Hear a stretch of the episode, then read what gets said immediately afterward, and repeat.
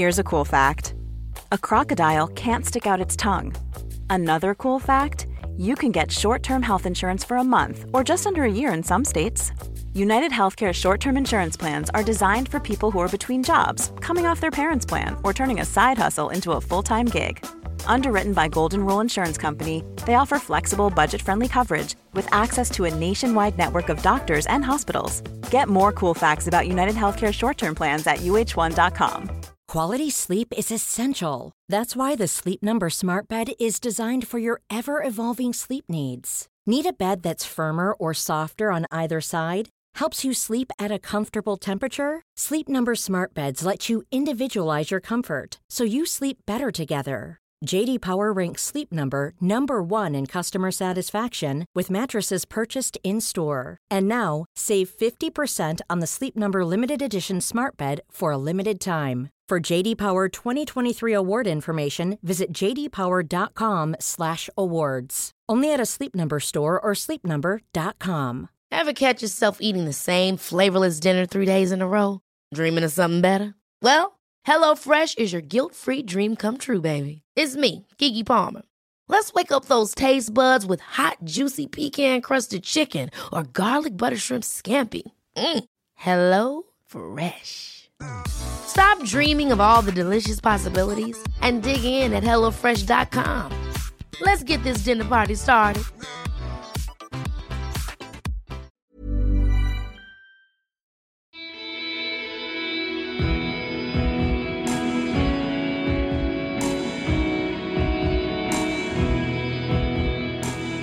Hei og velkommen til Kaptare podkast, episode 28. I dag kommer det en eh, forfatter, en eh, skribent, på podkasten. Han heter Andreas Humpland, er kjent eh, antagelig for veldig mange. Kanskje vi har en del nye lyttere med oss som kjenner Andreas. Eh, takk til alle lyttere som er med oss hele veien. Jeg eh, var på Bislett 24 i helgen og tok en titt. Det er eh, imponerende å se hva 160 løpere stiller opp for å gjøre å løpe 24 timer i ring rundt på Bislett stadion. Jeg eh, måtte bare ta en titt på det. Det var eh, ganske morsomt. Når jeg var der, så var det gått en fire-fem timer, men eh, jeg må innrømme at når jeg våknet på søndag morgen, så tenkte jeg på de som fortsatt løp, hadde løpt hele natten igjennom. Så eh, søndag på tidlig formiddag så løp jeg opp på Bislett, og så så jeg de siste 10-15 minuttene av løpet. Det må jeg si eh, var litt av et syn. Der har du løpere som har løpt eh, 150, 60, 70, 80 km. 200, 220, 30, 40. Det er helt vanvittig å tenke på. Men i dag så skal vi eh, altså snakke med Andreas, og Andreas han har løpt rimelig langt eh, i sitt liv han òg. Han skriver i sin bok 'Livsløp' at han har løpt antagelig rundt 100 000 km. Det er eh, godt over to ganger rundt eh, planeten Jorden, eh, målt ved ekvator. Det er det ikke så mange som hører på som kan eh, skrive ned at de har gjort. Men forhåpentligvis så kommer vi alle dit. Det er i hvert fall mitt mål uh, i løpet av livet. Andreas og jeg vi uh, tar for, for oss litt bakgrunnen hans i begynnelsen. Så du kan si at denne podkasten her, den starter med en slags oppvarming. eh, litt om Andreas, litt om hva han har skrevet, og så kom vi i gang med løpepraten etter hvert. Og jeg anbefaler boka hans 'Livsløp' på det varmeste. Jeg har lest den eh, nå to ganger, og jeg mener at det er en bok man må ha i bokhyllen hvis du er løper. Um, han snakker litt om hvorfor han løper, han er ganske opptatt av det. Um, meningen med det, og han har et skråblikk på det hele som eh, ikke så mange har, eller i hvert fall ikke så mange klarer å formidle. Og så er det ganske mye om kameratskap i løpingen også, som jeg tror eh, eh, er veldig viktig. Um, det er i hvert fall noe som jeg eh, likte veldig godt å lese om i den boka. Så um, etter at Andreas og jeg snakka sammen, så uh, i uh, avslutningen av podkasten så kommer jeg til å fortelle litt om hvor jeg selv står nå, tre uker minus én dag. 20 dager altså før mitt maraton nummer to. Så eh, her følger samtalen. Men da kan jeg ønske velkommen til Andreas Humpland. Du er eh, her eh, i kraft av å være løper, og har skrevet en bok som heter eh, Livsløp, med undertittel 'Ei bok om å springe og alt det kan føre med seg'. Den var ikke jeg klar over at hadde kommet ut, men det var du som gjorde meg oppmerksom på det.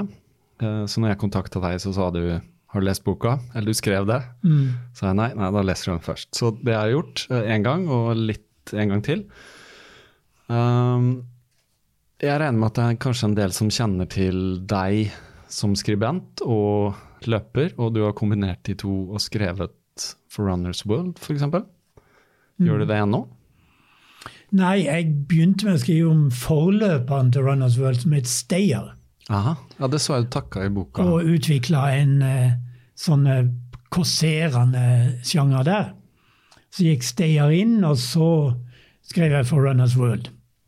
Eh, og det gjorde jeg, har jeg gjort i tre-fire år. Sånne betraktninger omkring litt eh, Hadde det med årstid å gjøre, videre.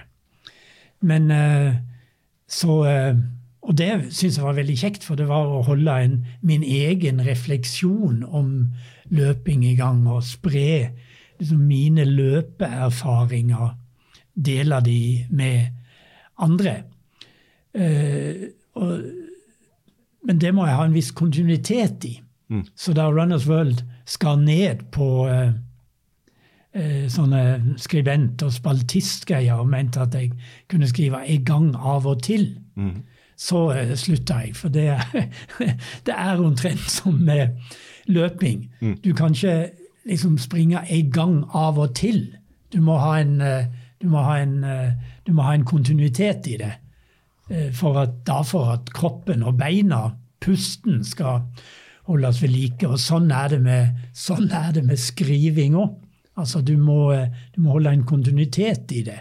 Altså, du må produsere ideer, du må eh, la ideer modne, og så ta de fram når du trenger det.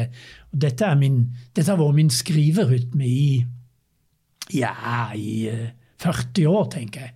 Jeg har stort sett alltid skrevet en spalte en gang i veka. På fast dag, fast størrelse, fast levering, fast tid, men med stor spennvidde i, i tema og i tematikk. Så det er noe med jeg mener, For å, å være i en tenkerytme, en, en intellektuell produksjonsrytme, så må du ha noen sånn faste, faste stolper å forholde deg til.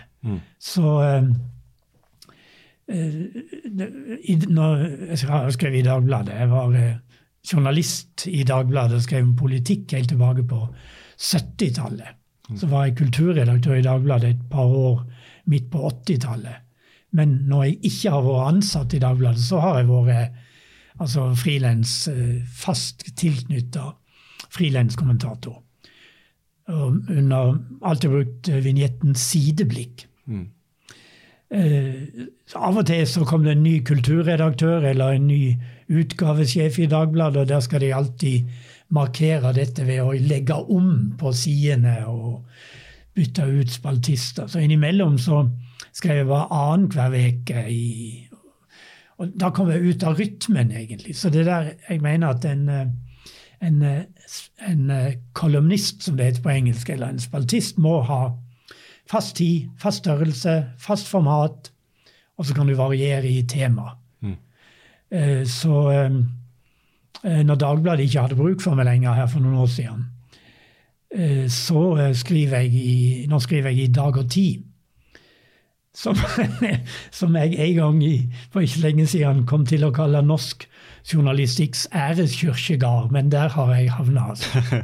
Og der skriver jeg en fast ukentlig spalte der jeg eh, for så vidt eh, er litt i takt med politiske, kulturelle begivenheter, men eh, prøver å ha et helt annet innfall til dem enn det som er i dagsjournalistikken. Så dermed kan jeg trekke på erfaringer jeg har fra et langt skriveliv, og mine faglige koblinger. Jeg er egentlig sosiolog av, av profesjon.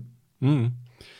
Du er eh, ja, journalist, sosiolog, og er, har vært uh, politisk uh, engasjert. Uh, ja, det er, det er, det er lenge siden. Ja. Veldig lenge siden. Det er helt tilbake på, på universitetet? Ja, på det er fra, fra jeg begynte å studere. Jeg titta på en liten biografi, og der sto det at vel, du, du, begynte på Blindern i 68, og det var vel et år hvor det skjedde ganske mye? jo, jo, men det er, jeg, sier, jeg, begynte, jeg begynte på Blindern i 68, og det er jo klart at det er det helt korrekte året å ha begynt på Blindern for å være en 68 og bli en 68 Og da var, da var jo jeg Da var jo alle politisk mm. engasjerte. Det var, det var før det var før vekttaller, og det var før eh, kontrollert frammøte på Så eh, lese, studere, ta eksamen var noe en gjorde liksom litt på sida av den studentpolitiske mm. aktiviteten en drev på med. Så da var, jeg, eh, da var jeg aktiv i eh, Jeg var medlem av studentvenstrelaget i to semester. Det var eh, så Rent politisk så sto vi veldig langt fra Venstre, for å si det sånn. Mm. Og Venstre var noe helt annet enn det er i dag. Men jeg var mellom der to, to semester. Eh, ellers var jeg med i studentmållaget, men mest aktiv i Studentersamfunnet. I sånne aktiv i debatter og aktiv i organisering i Studentersamfunnet. Og støttekomiteer for Vietnam og uh, mestepakker. Men så uh, gled jeg over og utvikla meg i annen retning, så jeg var, jeg var Noen syns det høres veldig paradoksalt ut, men jeg var organisert anarkist. Mm -hmm. I det som het Blindern-gruppa av frihetlige sosialister.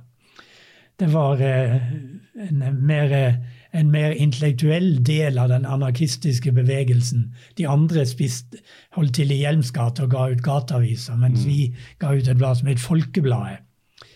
Eh, men eh, det der ble det også høydepunktet i min si, politiske aktivisme var jo kampen mot EEC-medlemskap i mm. 72. Men da var jeg samtidig på vei inn i journalistikken og i Dagbladet. Så etter det har jeg aldri drevet noe organisert politisk virksomhet. Tvert imot. Det er eh, nærmest en forutsetning for den type kommentarvirksomhet jeg har holdt på med, at jeg er helt Ingen kan mistenke meg for å fremme noens sak, egentlig. Jeg har et, jeg har et like, like, like gjennomført tilskuerblikk til til alle politiske retninger. Jeg liker, liker selvsagt bedre å erte noen enn andre. Og noen vet jeg mer om enn andre og skjønner mer enn andre. Men eh, jeg har ingen eh, Jeg har for så vidt ingen fordekte agitatoriske formål. Altså min glede er å stå utafor, være tilskuer, kommentere, analysere og litt erte.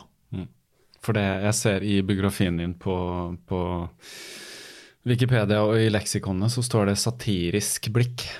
Ja. Og det er uh, uh, Det er noe helt eget å kunne skrive ikke bare ironisk, men satirisk. Altså det er uh, Jeg vil si at det er ikke så mange som behersker satiren på en god måte. Det, hvor, hvor, kommer det fra? For at Når jeg leser boka di, også 'Livsløp', den er jo morsom på en litt sånn Den er ikke hysterisk Mossen. Nei, nei, nei, på det skal vi si, en underfundig, ironisk måte ja. da, i sine betraktninger. Både hvordan du ser deg selv, og hvordan ja. du ser andre, og hvordan du ser løping generelt. Men er det, er det Du mener jeg er født sånn eller blitt sånn? ja. Er det en legning, eller hva er det? Ja, nei, for jeg, jeg, jeg, Du sa jo kåseri og sånn, og mm. jeg husker når jeg, hvis jeg skrev stilig på ungdomsskolen og fikk god karakter, så var det alltid kåseriet da, ja. som jeg kunne velge meg, kunne være ironisk og sånn. Så det er vel en spesiell form for humor, da, kan vi si. Ja, en og, og, form for humor. Det er først og fremst en, en, en, et blikk. Uh, jeg har jo også drevet mye Dette er en podkast. Jeg, har, jeg var eh, det som het morgenkåsør i radioen i veldig mange år, til de la ned. Til de la ned, den, den, gikk mellom 7.25 og 7.30 mm. på morgenen. Så ble den lagt ned fordi det var så jækla umoderne radio. For no, moderne radio er at det er noen som sitter og prater løst og fast og spiller plate innimellom. Mm.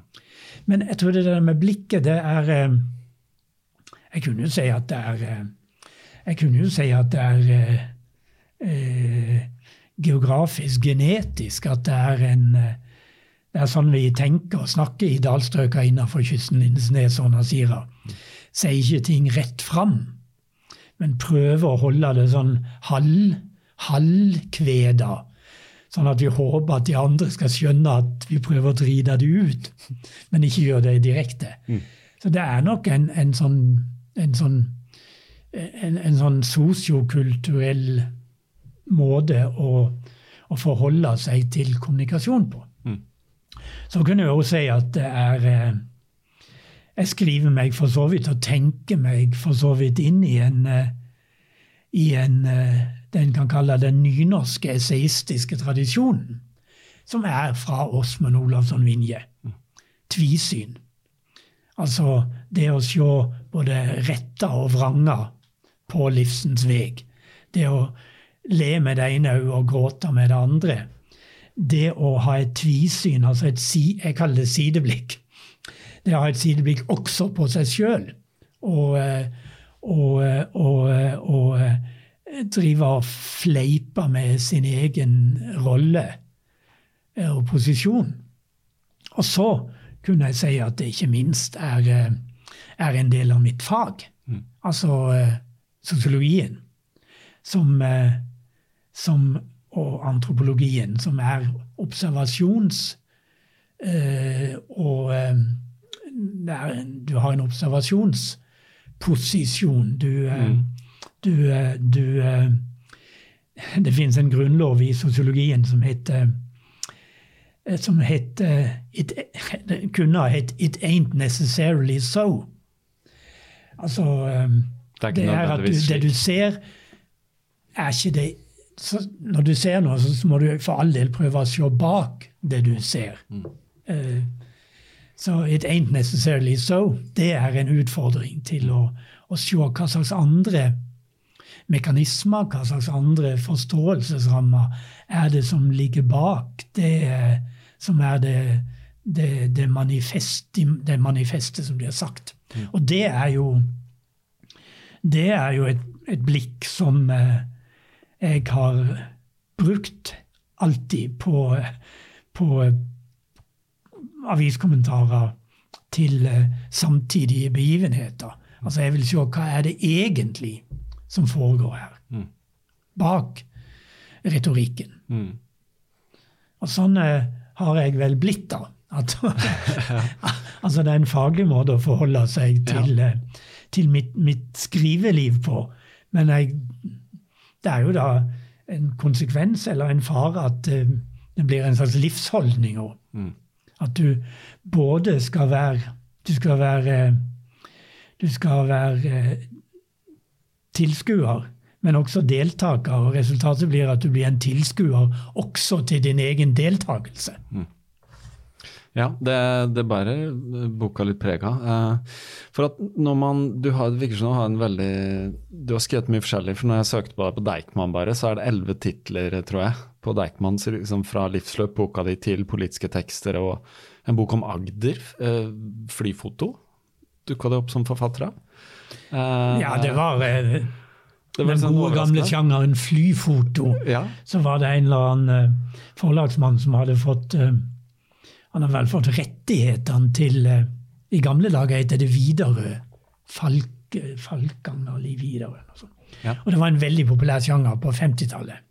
Tenk å få huset ditt på flyfoto? På flyfoto. Mm. Ofte hang, og Så reiste det agenter rundt og solgte disse, så de hang i alle stuer i Norges land. Mm. Denne, på 2000-tallet var dette litt mindre populært, men jeg ble altså hyra inn for å skrive tekster til uh, litt overordna tekster til, eh, til landskapsbilder. Mm. Så det var en, en helt, helt ålreit greie mm. som jeg hadde lyst til å gjøre. Og ettersom jeg har jobba frilans i 40 år, så, og jeg har, så, har jeg, så har jeg tatt tar jeg oppdrag som jeg har hatt lyst til å ta. Og det er jo, når jeg skal oppsummere mitt mitt eh, skriveliv og yrkesliv som eh, skribent, som journalist, så syns jeg det er kjekt å kunne si at jeg har vært i den situasjonen at jeg aldri har tatt på meg oppdrag som jeg ikke har hatt veldig lyst til å gjøre. Mm. For det leder meg til den, en tittel som uh, jeg ble litt nysgjerrig på. Det er en bok som heter 'Velkommen som ny statsborger'. Ja, det var et oppdrag fra, det var et oppdrag fra departementet. Mm. Eh, de skulle gjøre mer ut av stats, at noen ble, statsborg, ja. ble statsborgere. For tidligere En slags integrasjonsidé? Jo, men altså det hadde, Klassisk hadde det vært at den som søkte statsborgerskap og fikk innvilga statsborgerskap, fikk et rekommandert brev i posten. Men det var liksom ikke noe schwung over dette. Så det var vel en gang på begynnelsen av årtusenet eller noe sånt at um, eh, departementet fant ut i forbindelse med alle sånne integreringsdebatter at vi må gjøre mer ut av det. Vi må vise det at det er litt stas å bli statsborger i Norge. Mm. Sånn som de gjør det i andre land. I USA er dette en Du avlegger ed og det meste. Så de fant ut at de skulle lage statsborgerseremonier. Mm -hmm alle nye statsborgere i løpet av et år eller et halvår blir samla i rådhuset, eller eh, og så kommer ordføreren eller fylkesmannen og overleverer et brev der det står 'velkommen som statsborger'. Men dette er Norge, så ingen avlegger ed. Nei. Men uh, de nikker når uh, en eller annen troskapsløfte blir sagt fram. Mm. Og så fant de ut at uh, i, i, tillegg til dette her eh, kortet der det står at du er norsk statsborger, så skal de få eh, så bør de få et håndfast bevis. Så eh, eh, jeg og en historiker og en jurist ble hyra inn for å skrive ei sånn velkomstbok som var en slags eh, ja, ei bruksanvisning for Norge for nye statsborgere. Eh, med fine bilder. Så det var ei, det var ei coffee table-bok mm -hmm. til nye statsborgere. Mm. Eksklusiviteten ligger for så vidt i at uh, Selvsagt i at denne kunne ikke kjøpes noe sted. Det var mm. bare, mm. bare brukt ved én spesielt anledning. Så histori historikeren skrev altså kortversjonen av norsk historie. Juristen skrev om eh, norske lover allment, og kanskje spesielt det som var relevante for, eh, for nye statsborgere. Husk, ny, dette, er ikke, dette, er ikke, dette er ikke sånne innvandrere som akkurat har kommet. Du må ha botid og sånn. Så mm. bodde lenge. De bodde lenge. Det er ikke sikkert de er gode i språk osv. Men så jeg skrev eh, litt sånn eh, litt halvkåserende saklig om eh, hvordan henger norske, det norske systemet sammen. Mm. Hva er det vi holder på med? Hvordan er vi? Mm. Så jeg skrev om alt ifra uh, Jeg skrev om alt ifra jeg husker etter, jeg skrev alt fra å gå på ski til uh, å gå på tur. Mm. Ikke minst gå tur, som jo er en meget spesiell norsk aktivitet med høy moralsk verdi. Mm og som ikke feller naturlig for, eh, for alle som kommer fra andre himmelstrøk. Så ja. dette var bare et eksempel på hva en kan komme borti og ha stor glede av å skrive som eh, frilansforfatter. Fikk du noen gang noen tilbakemelding på den fra noen nye statsborgere? Eller ble det ja, da, ja, ja, det har jeg fått. Nå, nå, er det ikke meg som er forfatter, det er kongen. Ja, ja. Eller til nød statsråden. Ja. Men uh, det var uh, noen som uh, jeg har truffet i andre sammenhenger, som sier at de har de, de var så, så, har jeg sagt jøss, jeg var jo med og skrev på den boka. Å, var du det? Den var, den var grei å lese. Ja. ja. Men den kom i Nå er den ikke Den kom i en revidert utgave. Kom to ganger. Mm. Men eh, Men eh, eh, eh, jeg tror ikke den kommer lenger. Den er helt utdatert nå. Dette er ei bok fra før internett, for å si det sånn. nettopp. Så det står mye om avislesing på papir og alt Ja, ja, mulig. ja. Så den, eh, noen av elementene er der, men den og, og billedbruken er vel også litt utdatert. Så om de deler den ut lenger, det vet jeg ikke. De burde i alle fall ikke gjøre det. Mm. Dessuten var det ved revisjonen hadde vi en ekstrarunde med, med departementet som var Det hadde vært en eller annen politisk sekretær i departementet, Kommunaldepartementet. Eller Ja. Nei. Jeg husker ikke hva for et departement. det var. Det hadde iallfall vært en politisk sekretær inne og blanda seg opp i det som sto der. Eh, og var veldig misfornøyd med at det var et bilde av Gro Harlem Brundtland og hennes regjering. Han mente det burde byttes ut med et bilde av Erna og Siv. Mhm. Så det var et sånn latterlig eksempel på, eh, på eh, forsøk på å drive politisk styring og påvirkning. Ja, jeg forstår. Men eh, litt over til uh, boken. eh, livsløp. Det er du som har Ja. ført meg på avveie. Det er det. det er det. Vi, vi, vi er kjent med digresjoner. Men det er gøy å få litt bakgrunn for de som ikke kjenner deg også. Men litt, uh, litt om uh, livsløp. altså Du sa du hadde skrevet for Runners World og sånn, men de kutta ut spalten, og det har jo med økonomi å gjøre, og det skjønner vi også, fordi i dag blir jo ikke magasinet solgt i store mengder på papir lenger, så det er jo inntekten forsvinner jo, ikke sant. Men eh, var det da du begynte å skrive på den boka, eller er dette noe du har sysla med? Altså Når du slutta der, fortsatte du på en måte å skrive denne, eller er dette noe som alltid har lagt der, som du bare kunne Nei, dette har jeg etter Ettersom jeg sier at jeg alltid har sprunget, og iallfall i de siste 30 åra, så har jeg tenkt mye om springinga mi, og snakka mye med mine løpekamerater om det vi driver på med. Så, så eh, og, om, og da ikke om løpstekniske ting, stort sett, men uh, the meaning of it. Meninga med det. Hvorfor gjør vi på, hvorfor driver vi på med dette? Hva gjør det med oss? Så dette har uh, Og om mine og våre gleder av forskjellige løpeturer. sånn. Så dette har vært en del av min løping. altså en, Igjen en slags betrakterholdning til min egen løping. altså at Det er ikke bare noe jeg gjør, det er noe som eh, Jo, det er bare noe jeg gjør, men det fører til at jeg tenker omkring det og reflekterer omkring det. Og når du begynner å snakke om dette, så hører du at andre Så er det gøy å, å dele refleksjoner over den aktiviteten med andre. Så dette har jeg alltid drevet på med. Men øh, jeg skrev som sagt Begynte å skrive den spalten i, i Stayer og senere i Runners World. Så eh, eh, det er jo biter av det som er i boka, har eh, i redigert form våre kåseri eller petier i eh, Stayer og Runners World.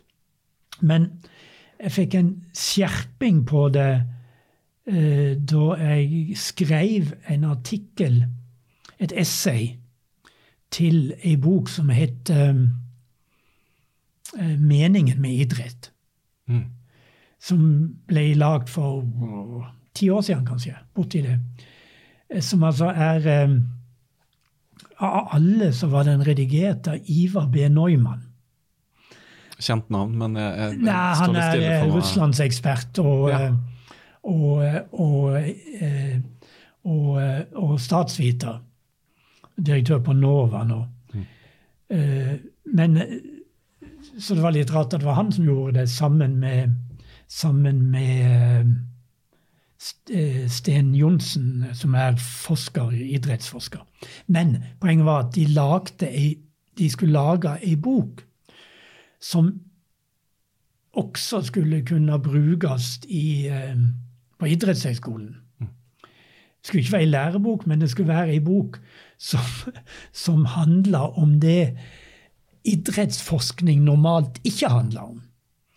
Og det idrettshøyskole ikke driver på med. Det skulle være ikke om, om treningsteknikk, ikke om fysiologi, ikke om uh, treningsregimer, ikke om Ernæring, kosthold ja, ja. og ernæring. Det skulle handle om what's the meaning of it? Mm. Hva er poenget med dette? Hva, hva er dette for noe på, på meningsplanet? Mm. Derfor er boka meningen med idretten. Og den ligger da, lå da for så vidt på et mye bredere, Mm. bredere idémessig og refleksjonsmessig plan enn at det skulle være ei, ei, ei, ei, en, en, en lærebok. Eller. Mm. Så, og denne øh, og Der ble jeg bedt om å skrive. Fordi jeg har jo fordi jeg hadde skrevet og reflektert om dette i andre sammenhenger. Og så har jeg kjent, eh, kjent folk på idrettshøgskolen, Gunnar Breivik f.eks., som var rektor i mange år. Så jeg har vært, hadde vært på idrettshøgskolen og snakka om lignende ting et par ganger. Altså holdt foredrag for Holdt foredrag Ja. eller sånn kåseri Ja, ja. ved semesterstart eller noe sånt.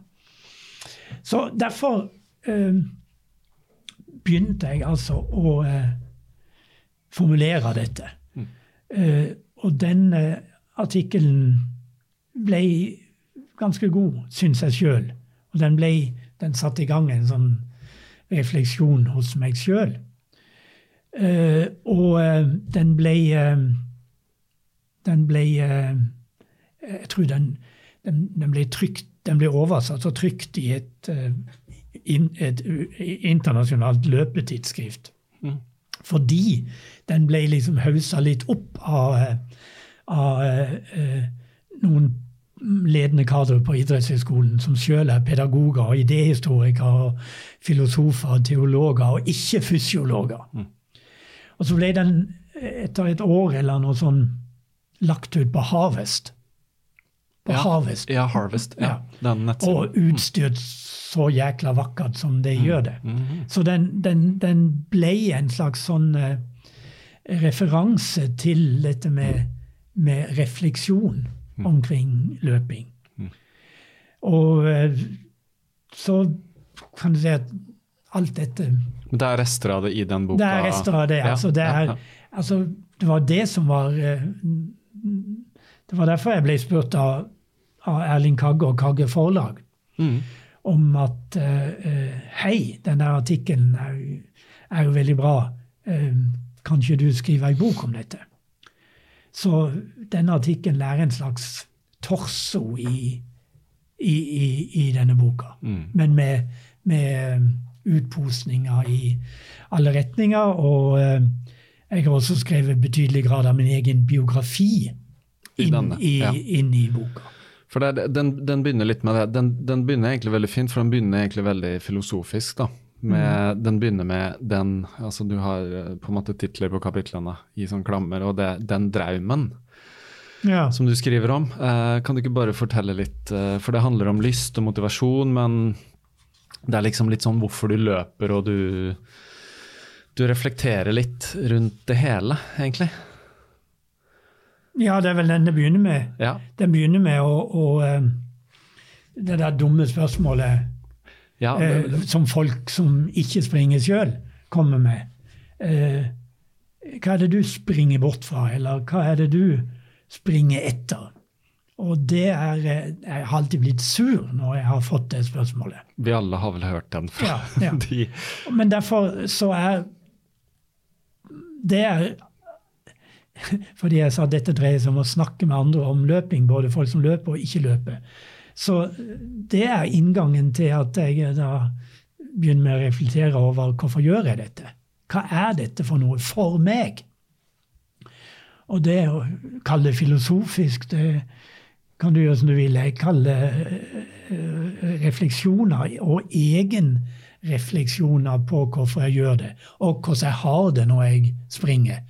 Og ikke minst hvordan jeg har det når jeg ikke springer. Fordi det er en, det er en eh, det er, For meg har dette lite å gjøre med, med at jeg skal bli vakrere eller sunnere eller tynnere eller noe sånt. Eller at jeg skal stille i konkurranser osv.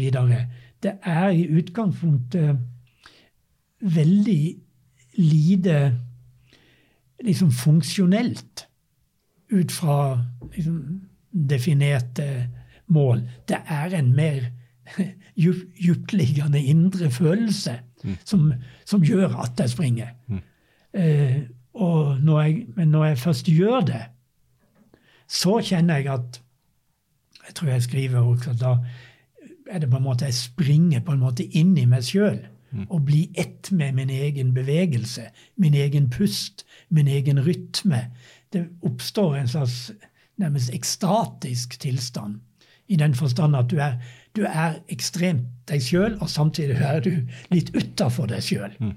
Så eh, Det er kroppen som tar over, og du skriver om dette? Ja, jeg uh, sier vel og mm. tenker vel òg at uh, Jeg skriver vel òg at uh, no, noen sier Jeg har sett noen intervjuer si at nei, når jeg springer, så tenker jeg så godt. Da sier jeg da har du ikke gitt deg hen til springinga ordentlig. Fordi eh, eh, Eller du springer ikke fort nok, eller du, eh, du, du, du hengir deg ikke til springinga. Fordi når jeg, jeg kan ha jeg kan ha kjørt meg fast i et resonnement eller være sur av en eller annen grunn. Og så tenker jeg nå, Hvis jeg da tenker nå skal jeg ut og springe en tur, for da får jeg klarna tankene. Mm. Eh, det gjør jeg ikke. Jeg får fjerna tankene. Altså, de blir ikke djupere og djupere, de blir mindre og mindre ettersom selve løpinga tar over. Mm. Og du blir en del av din egen rytme. Pusterytme og beinflyttingsrytme. Mm. Og da blir mitt hode tømt. Mm. Og de kompliserte tankene jeg hadde da jeg begynte, de ja, hvis de ikke blir helt borte, så, så er de til nød ei setning eller noe sånt. De løser seg litt opp, kanskje? De løser seg litt opp, mm. altså, mm. og, og, og, og, du kommer nærmere essensen i det du kanskje mm. tenkte. Jeg, jeg tror det, For det du setter ord på der, er antagelig ganske universelt. At det er veldig mange som kjenner seg igjen i det, men på en måte kanskje ikke har reflektert noe over det. da. Men jeg har gjort det en del, for jeg, jeg, er også litt den der eh, utenfor meg selv og hvorfor mm. jeg løper. og Jeg så aldri på meg selv som en løper, og så plutselig er du det, og så skjønner du at vi er alle det. Det er noe som ligger til felles. Jeg tror det, da. Det er noe vi mm. som mennesker har til felles, at vi kan løpe. Nå må du passe, nå, nå begynner du å snakke som en profet, det må du ikke finne på. Altså. Nei, for det, det, for det, er du ganske skeptisk til i boka ja. altså. hvis noen skal begynne å predikere. Ja. Hvis de blir litt for salige. Ja, ja, de som blir litt for salige, de er jo Jeg er fra jeg er fra Saronsdal, det var nettopp det jeg så jeg er alltid skeptisk til frelsere ja, som har det ene budskapet om det ene saliggjørende. Og der kommer det skråblikk og den litt sarkastiske Ja, for det, altså Jeg ville aldri finne på å, å si at, holde taler og si at du må begynne å løpe. Det er det eneste saliggjørende. Altså For noen funker det. For, for meg, kanskje for deg, er det vårt dop. For andre fungerer det ikke i det hele tatt. Mm. Det kan være at de ikke er fysisk skapt for det får vondt i knærne med en gang. eller noe mm. sånt. Men det er, eh, en må på en måte finne sin aktivitet. Mm. Hvis noen finner det med å spille golf, så er det greit for meg. Altså, eller synkronsvømming, eller hva det måtte være. Men jeg sier at hvis du ikke har glede av å springe, så må må du la det være. For ellers er det en hån mot springinga. Det er en hån mot denne, den salighet det gir de som liker det, mm. og som blir fanga av det. Mm. Så folk som altså har fått tvunget på seg av eh, kona eller mannen eller legen eller eh, at de må eh, begynne å springe, og gjør det med motvilje hver gang, som en tung plikt, det syns jeg er et hån mot løpinga. Mm, mm. Så, um, så, så um, jeg sprer gjerne det glade budskap om hva som gir meg glede ved løping, og liker å utveksle det med andre som hører til samme ekstatiske eller nytelsesbevegelse, og snakker gjerne mye om det.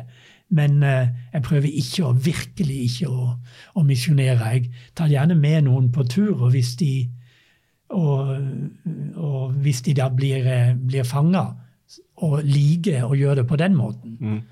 Har det skjedd at du har sittet på bar uh, med noen venner eller som ikke løper, drukket litt øl, og så snakker du om løping, og så blir de litt tratt inn i det, og så har du sagt ja, bli med. med på, ja, ja. Det, ja, det hender. Ja, ja, ja, Har det skjedd at noen har begynt med det i godt voksen alder og likt det og fortsatt? Ja da. ja, ja.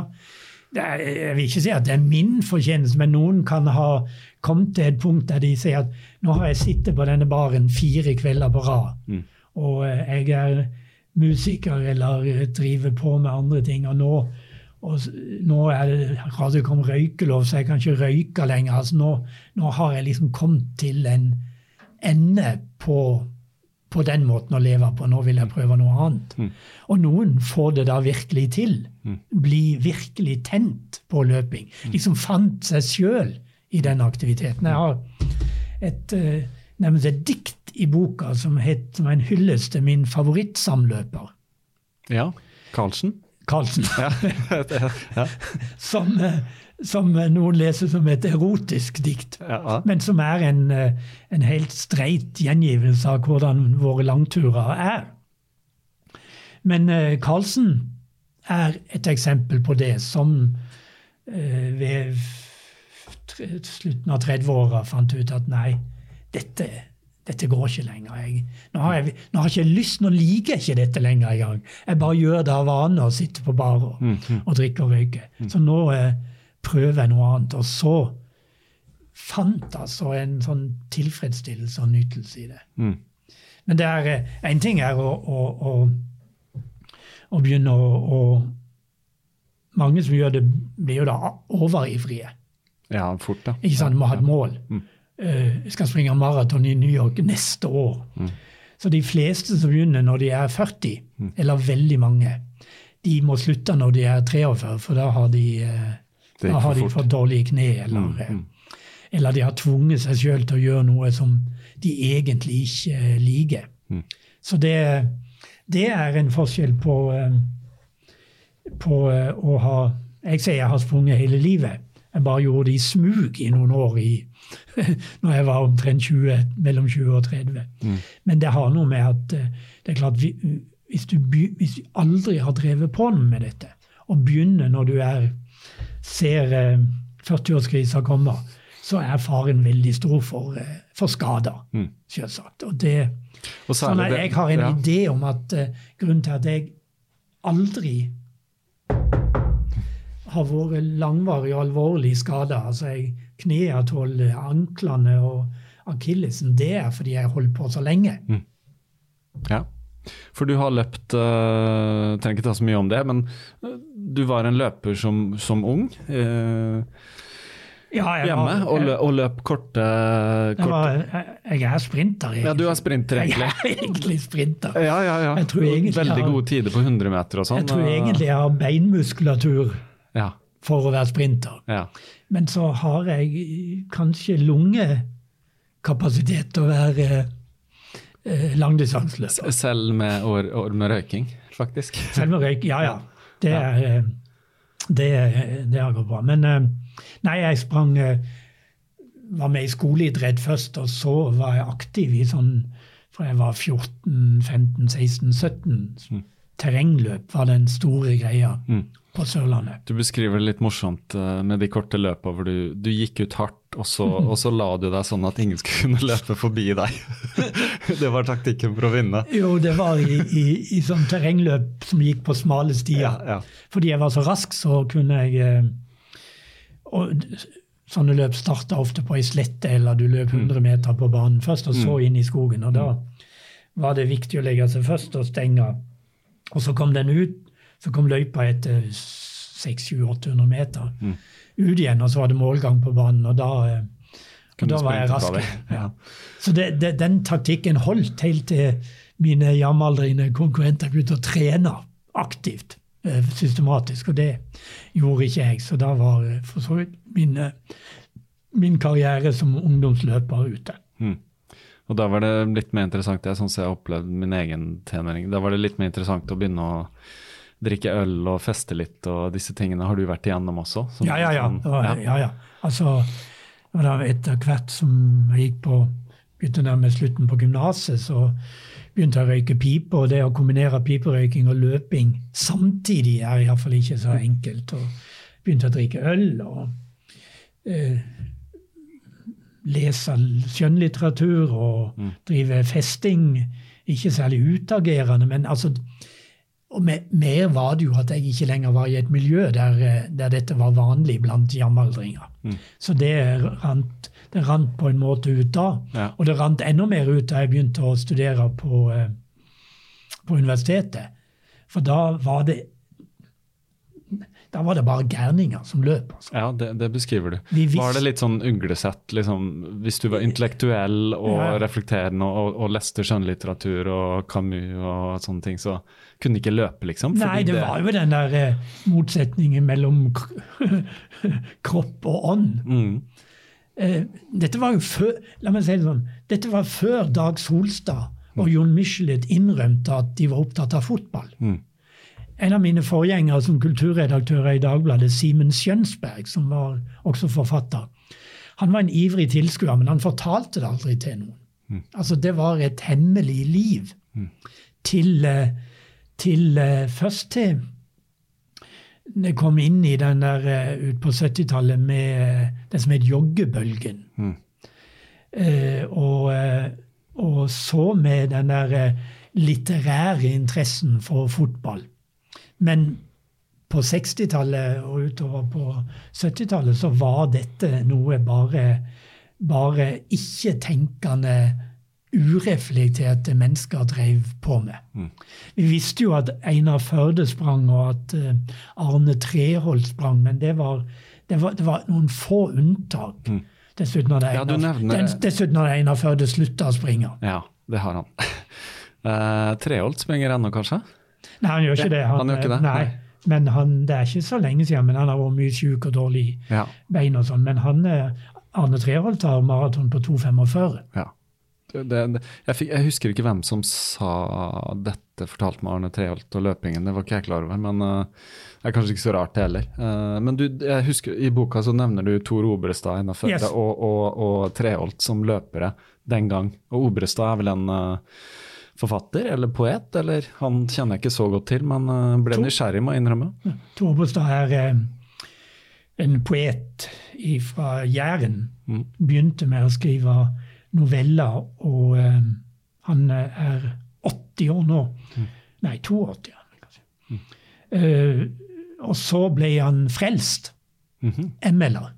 Ah, ja. og, skrev, og, skrev, og skrev programmatiske romaner og dikt som hyller partiet og proletariatet. Og, eh, og det var han i 10-20 år, og så har vendt han eh, Han skrev sitt oppgjørsroman med si fortid som stalinist 20 år etter at, eh, at, at Dag Solstad hadde skrevet om gymnaslærer Pedersen. Ja.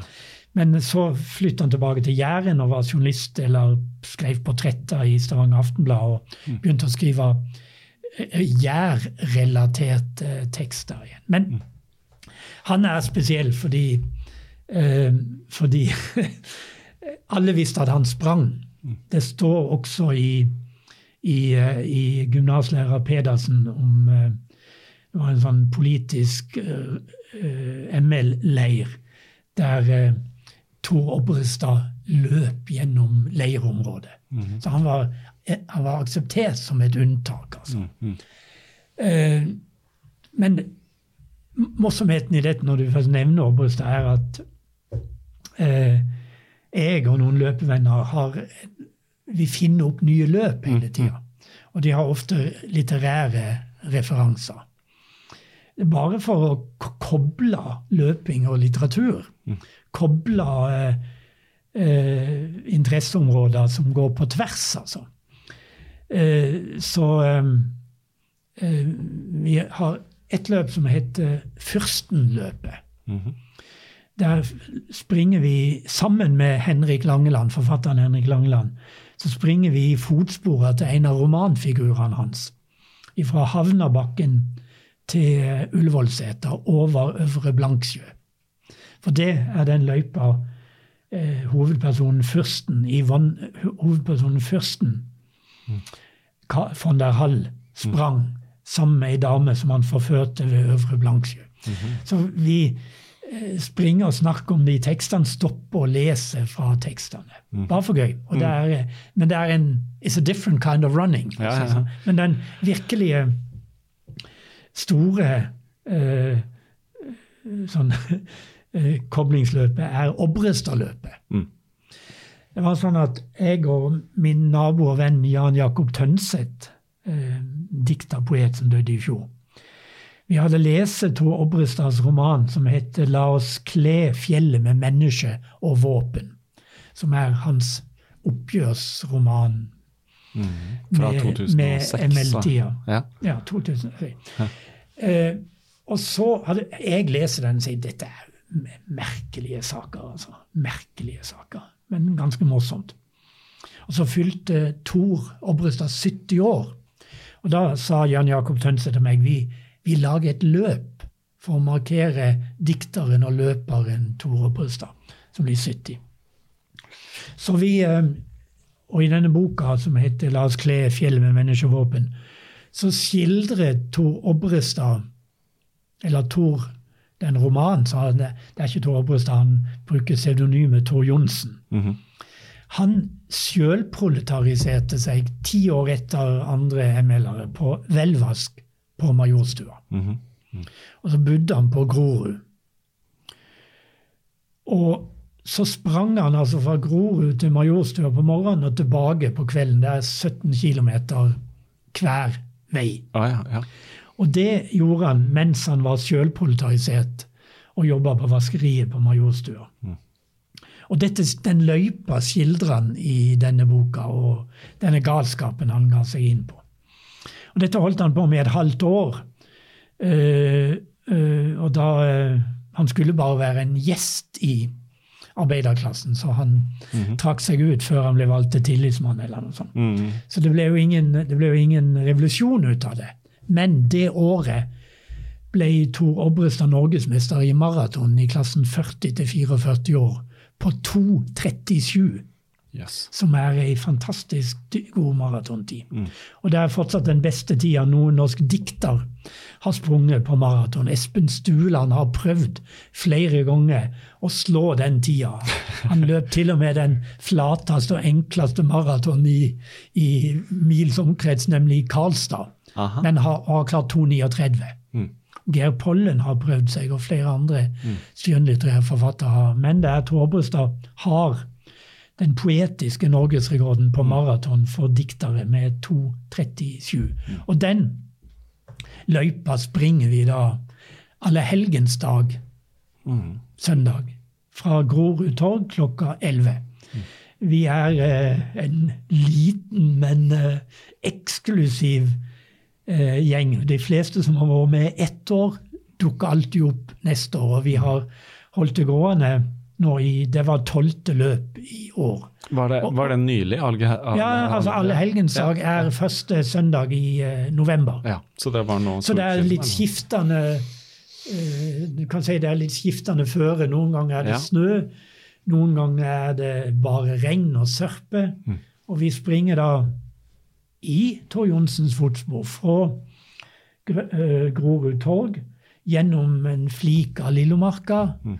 Og ned til Muselunden og eh, videre til Velvask, som er nedlagt. Mm. Så vi springer til Livshjulet, som da i Frognerparken, som jo er en fantastisk eh, sånn symbolsk sted å slutte et løp ved livshjulet. Og så stopper vi underveis og leser dikt av Tor Obrestad.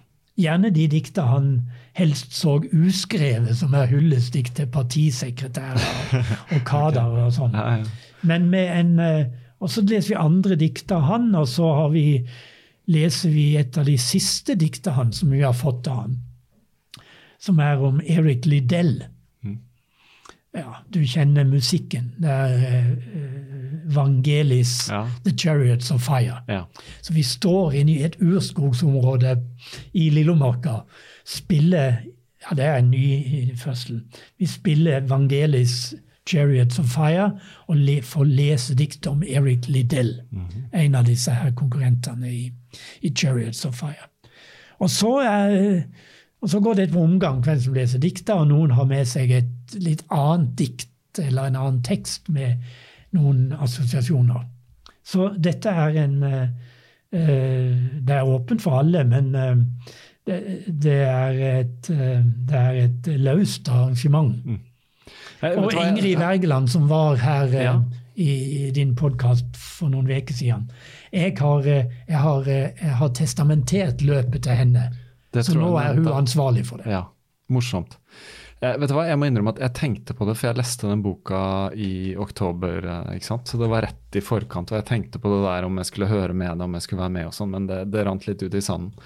Men nå, nå er det i hvert fall sagt. Nå kan ja. du notere det, ja. og alle andre kan notere det.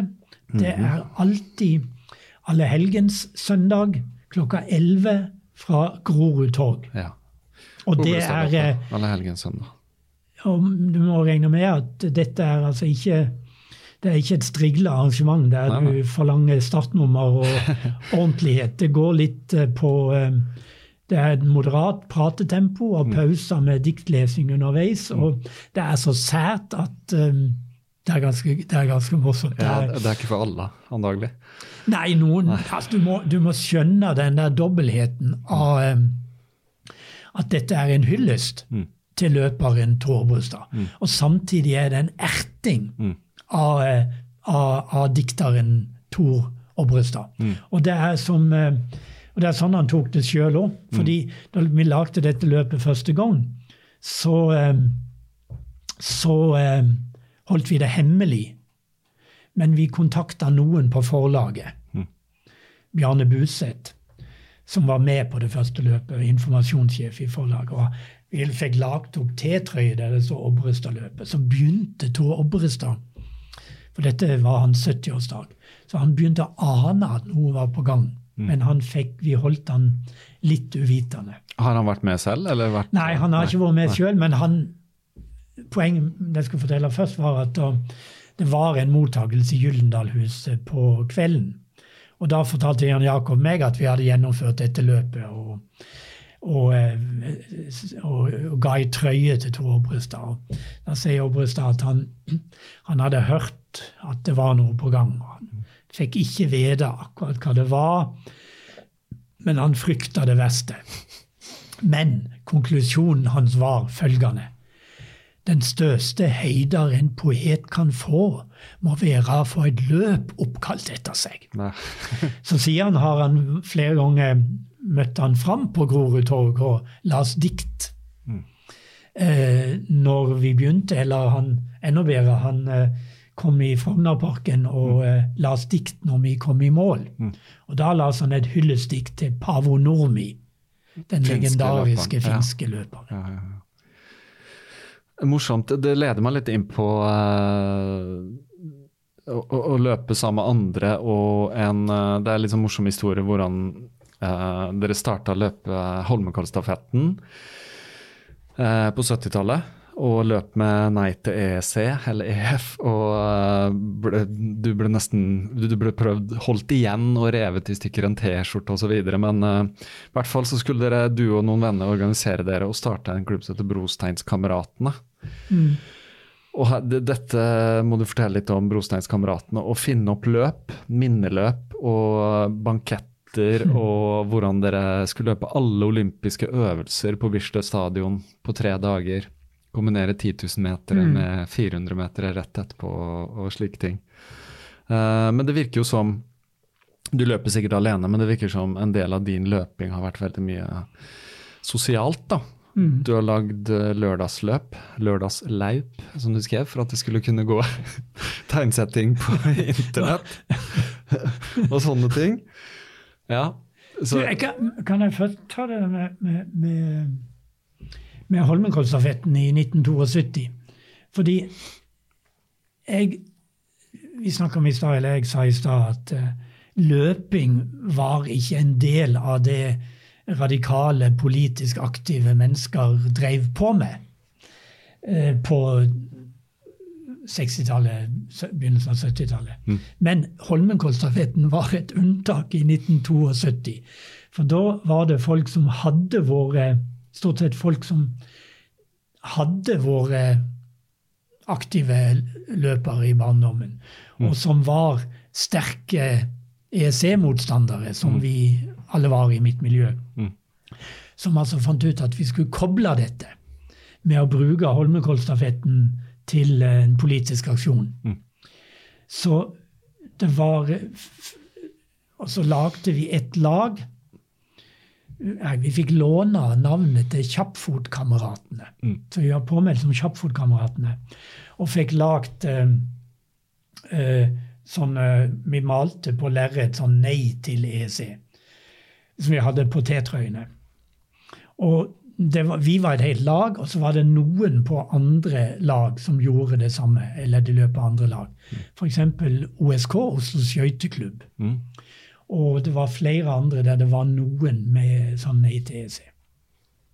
Og dette spredde det seg litt rykter om kom til å skje, så eh, arrangøren var eh, veldig oppmerksom på det. Så, eh, og det var ett eh, et lag ble den som løp nordabakken, arrestert. Han ble putta inn i Svartemaja fordi han løp med Neis EEC på ryggen. Det var i pedistene sitt lag, altså Pedagogisk institutt. Eh, jeg ble eh, forsøkt Og så gikk det rykter om at eh, vi blir stoppa, vi må passe på. Så noen stilte med, med en genser på, i vekslingsfeltet som de Kastet. reiv av seg. Jeg sto i vekslingsfeltet ute på Skøyen og ble, eh, og ble forsøkt stoppa av en vakt. Som fikk tak i det der eh, Nei til EEC-merket mitt og reiv det av trøya, T-trøya.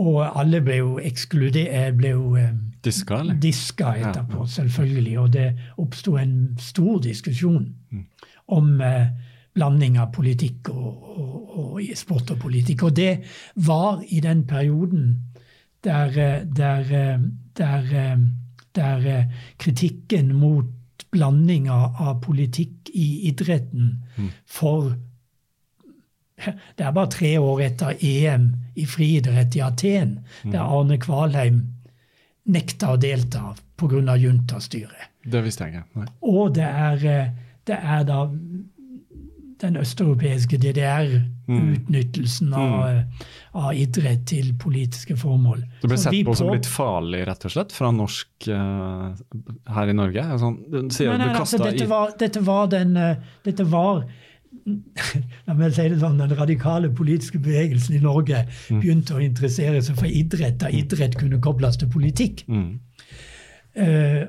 Og der idrett kunne være en, en arena for, for å vise fram politiske holdninger. Fordi vi sa at hele den olympiske bevegelse er en eneste stor konspiratorisk eh, politisk sammensvergelse. Eh, dette var til og med før å kommersialisere. Dette er begynnelsen av profesjonalismen og kommersialiseringa. Så grunnen til den der eh, at eh, Holmenkollstafetten ble betrakta som en anledning til å drive politisk markering, vevde seg sammen med en begynnende kritikk av, av, av, av de, de, de undertrykte politiske sidene ved, ved idretten. Eh, eh, sånne tidligere aktive idrettsfolk som Svein Sjøberg, skøyteløper, senere skiløper, Drillo Olsen. Han var radikal. Ja, ja, ja. Og det radikale tidsskriftet Kontrast begynte å lage sær, lagde særnummer om idrett da i 273, og det er liksom helt nytt. så det var, Men det var denne, denne på en måte, Det var ikke, det var ikke vi som blanda sammen sport og politikk. Vi gjorde det for å vise at uh, idrettsbevegelsen var en samfunnsbevarende etablissement disiplinerende bevegelse. Nei, vi ble, vi ble diska. Vi har prøvd, flere av oss nå i, for ikke lenge siden, å rekonstruere laget okay. som ble diska. Vi har, vi har nesten klart det. ja. Vi har nesten klart det. Men det hører jo med til historien her også at på den tiden så ble også kvinner nektet å løpe om Det var den Det var, det var eh, Vi ble Det var den form, Vi ble diska av to grunner. Det ene var at det var to jenter på laget. Og den andre at vi løp med nei til EEC. Så det var eh, helt riktig. Det var, men var spesielt året etterpå, i 73, at, eh, at eh, Da ble vi diska, tror jeg, pga. jenter på laget. Mm. Gerd von der Lippe, mm. som var tidligere landslagsløper på 400 meter, mm. var der. Og ei som het Benedicte et eller annet. Så vi ble e-, ett år diska. Det er ganske absurd å sitte her i 2019 og tenke på at ikke kvinner fikk lov å løpe. Men det samme skjedde vel i New York Marathon ja, på et tidspunkt, ja, ja, at uh, de ble forsøkt stoppa. Damer forkledde seg. Nei, nei, det var jo altså, Det ville vært så stygt med damer, svettende damer på Besserud. Ja, jeg skjønner. Men, så uh, dette var jo dette var jo så retta mot arrangørene, som var Tjalve og Aftenposten. Mm.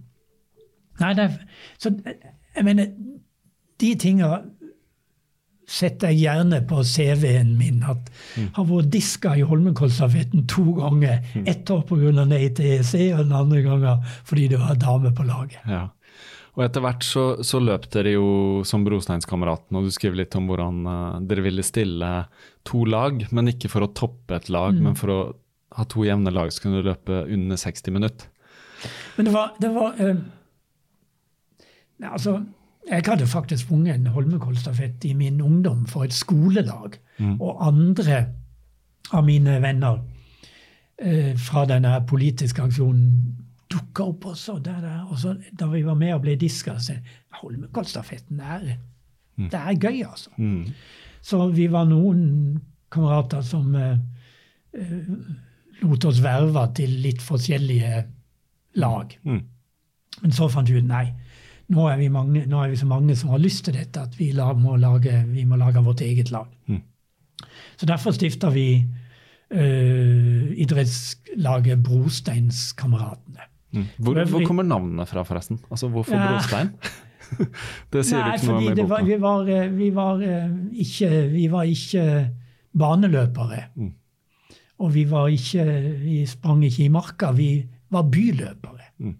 Altså, den første lederen, den som fant opp stifterlaget, er Trond Ingebrigtsen. Mm -hmm. Vokalisten i Bjølsen valsemølle. Ja.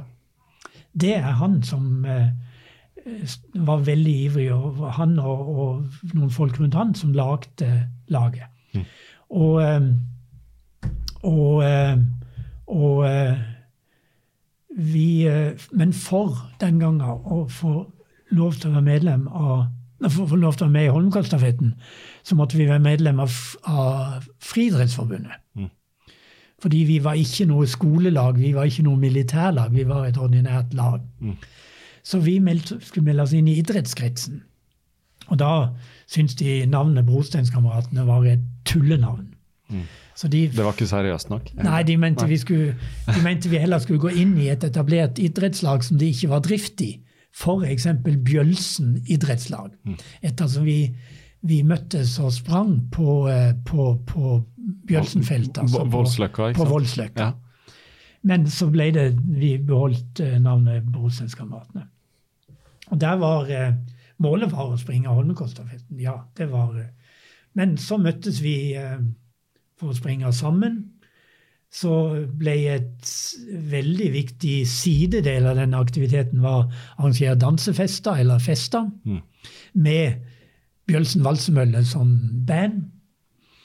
Så vi ble ganske mange ganske fort. Og første år hadde vi ett lag i Holmenkollstafetten. Andre eh, et par år så hadde vi tre lag, altså ett damelag. Da det lå med damelag, så vi hadde ett damelag og to herrelag. Men da um, var vi var det et prinsipp om at vi ikke skulle toppe det ene laget. Mm. Vi skulle ta ut to lag, sånn at, uh, sånn at forutsetningen var at de var omtrent like gode.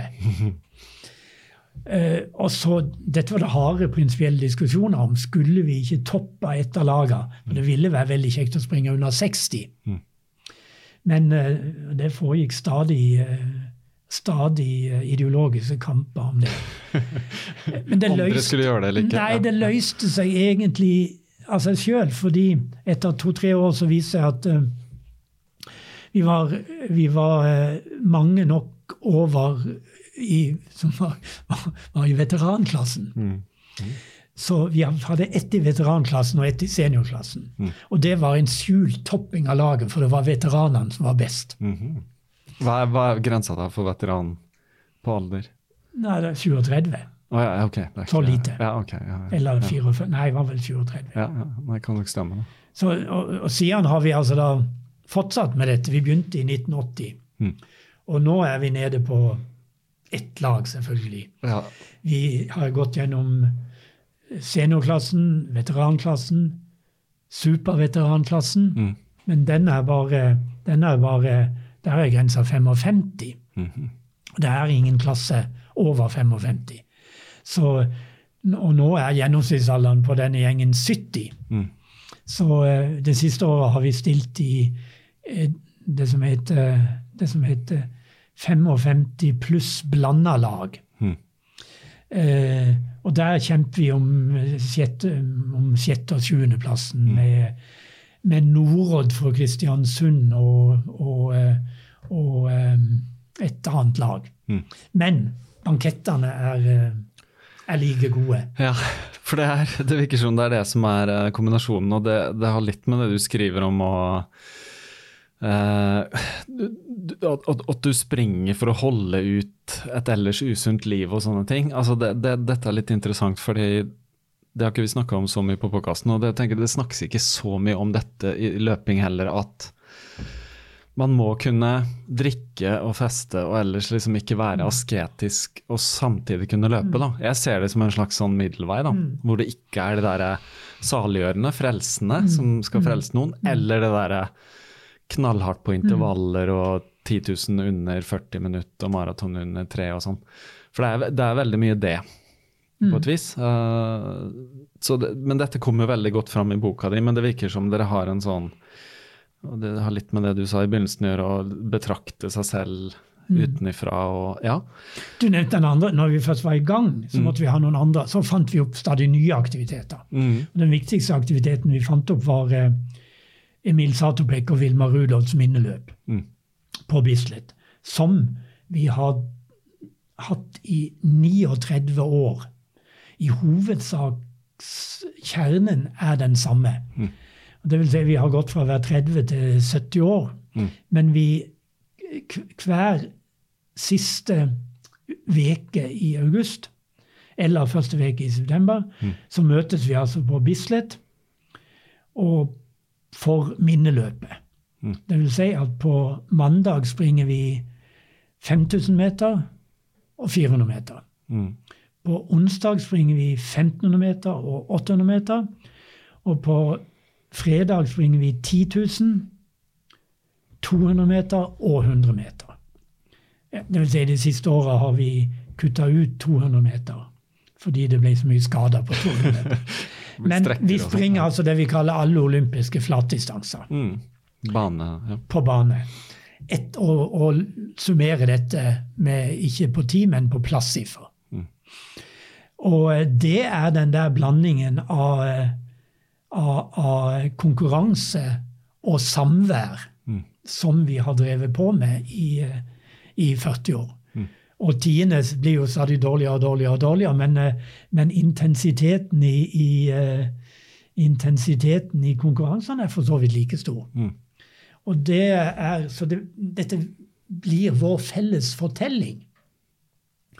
Som om Husker du den gangen i 1994 da vi konkurrerte ved utgangen av svingen på 1500 meter? Mm. Mm. Altså Det er den der blandingen av at uh, dette, er bare, dette er bare tøv. Mm. Gamle menn som springer rundt og ser latterlige ut. Mm. Og samtidig er det det der elementet av Ta det helt seriøst. av ta det helt alvorlig og ha det vondt. altså. Mm. Det er en, uh, en av kameratene nå som er kreftsyk, og, uh, men jaggu stilte han opp på minneløpet. I år. Ja. Ja. Eh, og så er det da ikke sant, banketten etterpå.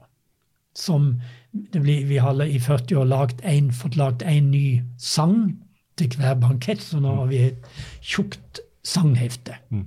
Men det er, eh, det, er, eh, det er en måte å koble dette halvseriøse Altså Det er jo sånn at vi er alle dritnervøse før start. Mm. Jeg eh, kan svette i hendene og ha vondt i magen før starten på 5000 meter. Mm. For du tenker ja, ja, det er ikke så farlig. Jeg bare stiller opp. Ja. Men når du er der og står på startstreken Ja. og vet at Ivar eller Petter, Mm. som du alltid har konkurrert med, Mm. De er kanskje litt bedre eller kanskje litt dårligere i år. Mm. Mm. Så vi har veldig grundige statistikker på dette. Og, eh, og følger og har på en måte oversikt over vårt e, vår egen aldring og forfall. Mm. Men plasseringsmessig er det like viktig å holde styr på det. Hvordan har du selv gjort det i disse løpene? Du, jeg, Sånn i forhold til gjengen? eh, Nei, det har variert veldig. Ja. Med livsfaser. Mm. Vi utvikler stadig nye lover om eh, løping. For eksempel eh, For eksempel eh, For eksempel sivilstandsfaktoren. Mm. Det viser seg nemlig at når folk har vært Når folk er, er, er, er i, i samlivsproblemer, kanskje skilt, så gjør de det jækla dårlig. Mm.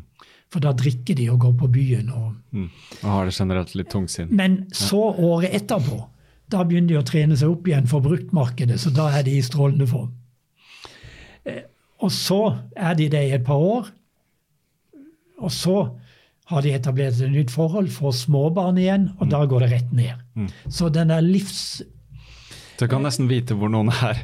Det kan være det. ja. Altså, vi, vi har, ja, det var faktisk sånn vi sa du, han er eh, Han er eh, Han er eh, han er jævlig god. Han har trent veldig mye. Jeg lurer på om det betyr at han springer fra ekteskapsproblemer.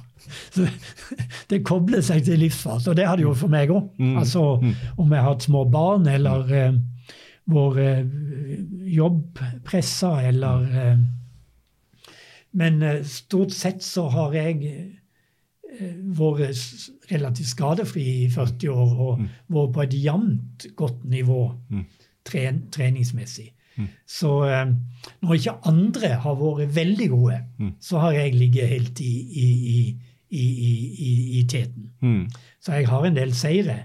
Men nå mener jeg at jeg har Nå har vi rekruttert noen yngre. Mhm. Så nå er det noen 50-åringer der som vinner hele tida, selvsagt. Men det er, vi, vi har vi har, testament, vi har lagd noen nyrekrutteringer som eh, av rent aldersmessige grunner er, eh, er eh, bedre enn hos gamlingene. Mm. Men, eh, men eh, knivinga er den samme, og eh, vi kan late som vi ikke tar det alvorlig, men litt alvorlig tar vi det likevel. Og så tyr vi jo ellers til eh, Vava-tabellen.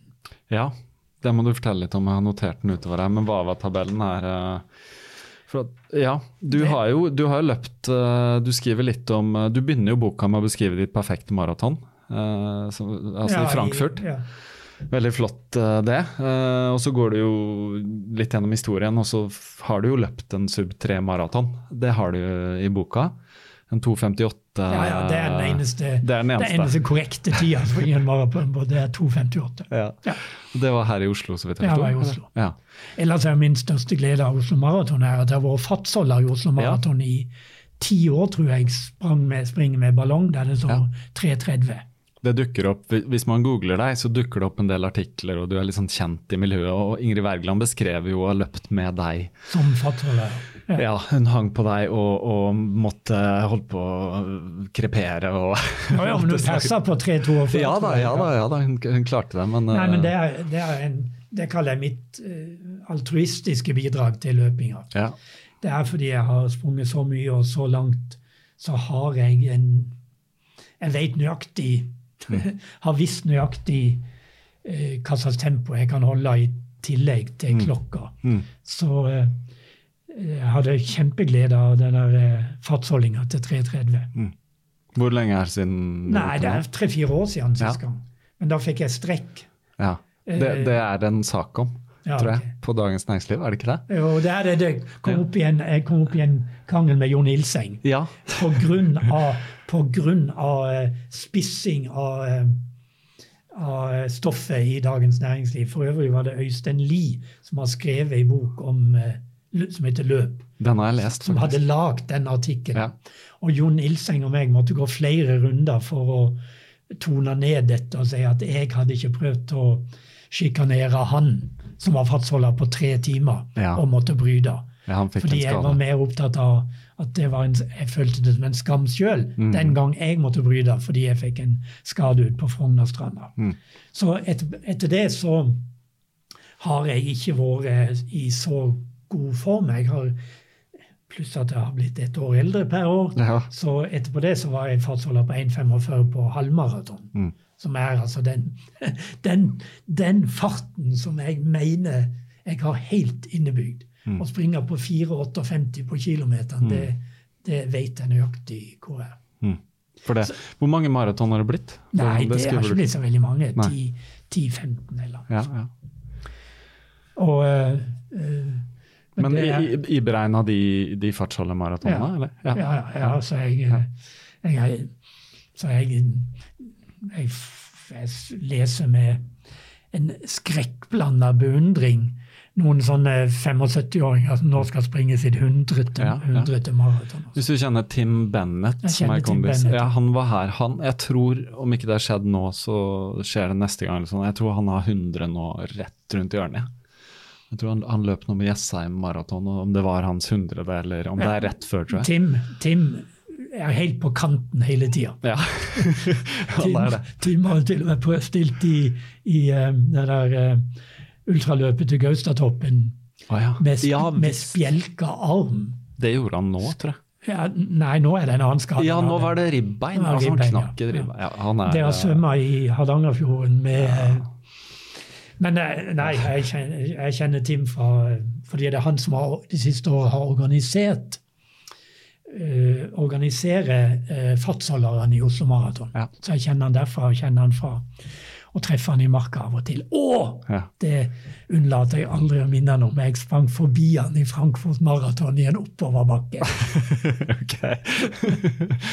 ja. Men han er strålende. Det er sånne, det er sånne, det er sånne litt gærne. Og å være gæren er et positivt ord hos meg. Gærne entusiaster Mm. som, holder, som holder sånne arrangementer i, eh, og miljøer i live. Mm. Gående. Ja, Ja. altså Du må yte noe sjøl for å, å få lov til å være med på gøye ting. Ja visst. Jeg vet ikke hvor vi var. Vi var eh, Det jeg ville spørre deg om eh, litt nå eh, Det ja, er sånn i, i løp at det er, det er sidesporer som er Ja. noen ganger artige. ja, det, Det er som å springe i marka, som er Ja. den der jeg egentlig liker best å springe. Det er Lillomarka. ja. Lillomarka spesielt, men altså litt det samme. Men det er å springe på, på veier og stier og så prøve en ny og Mm.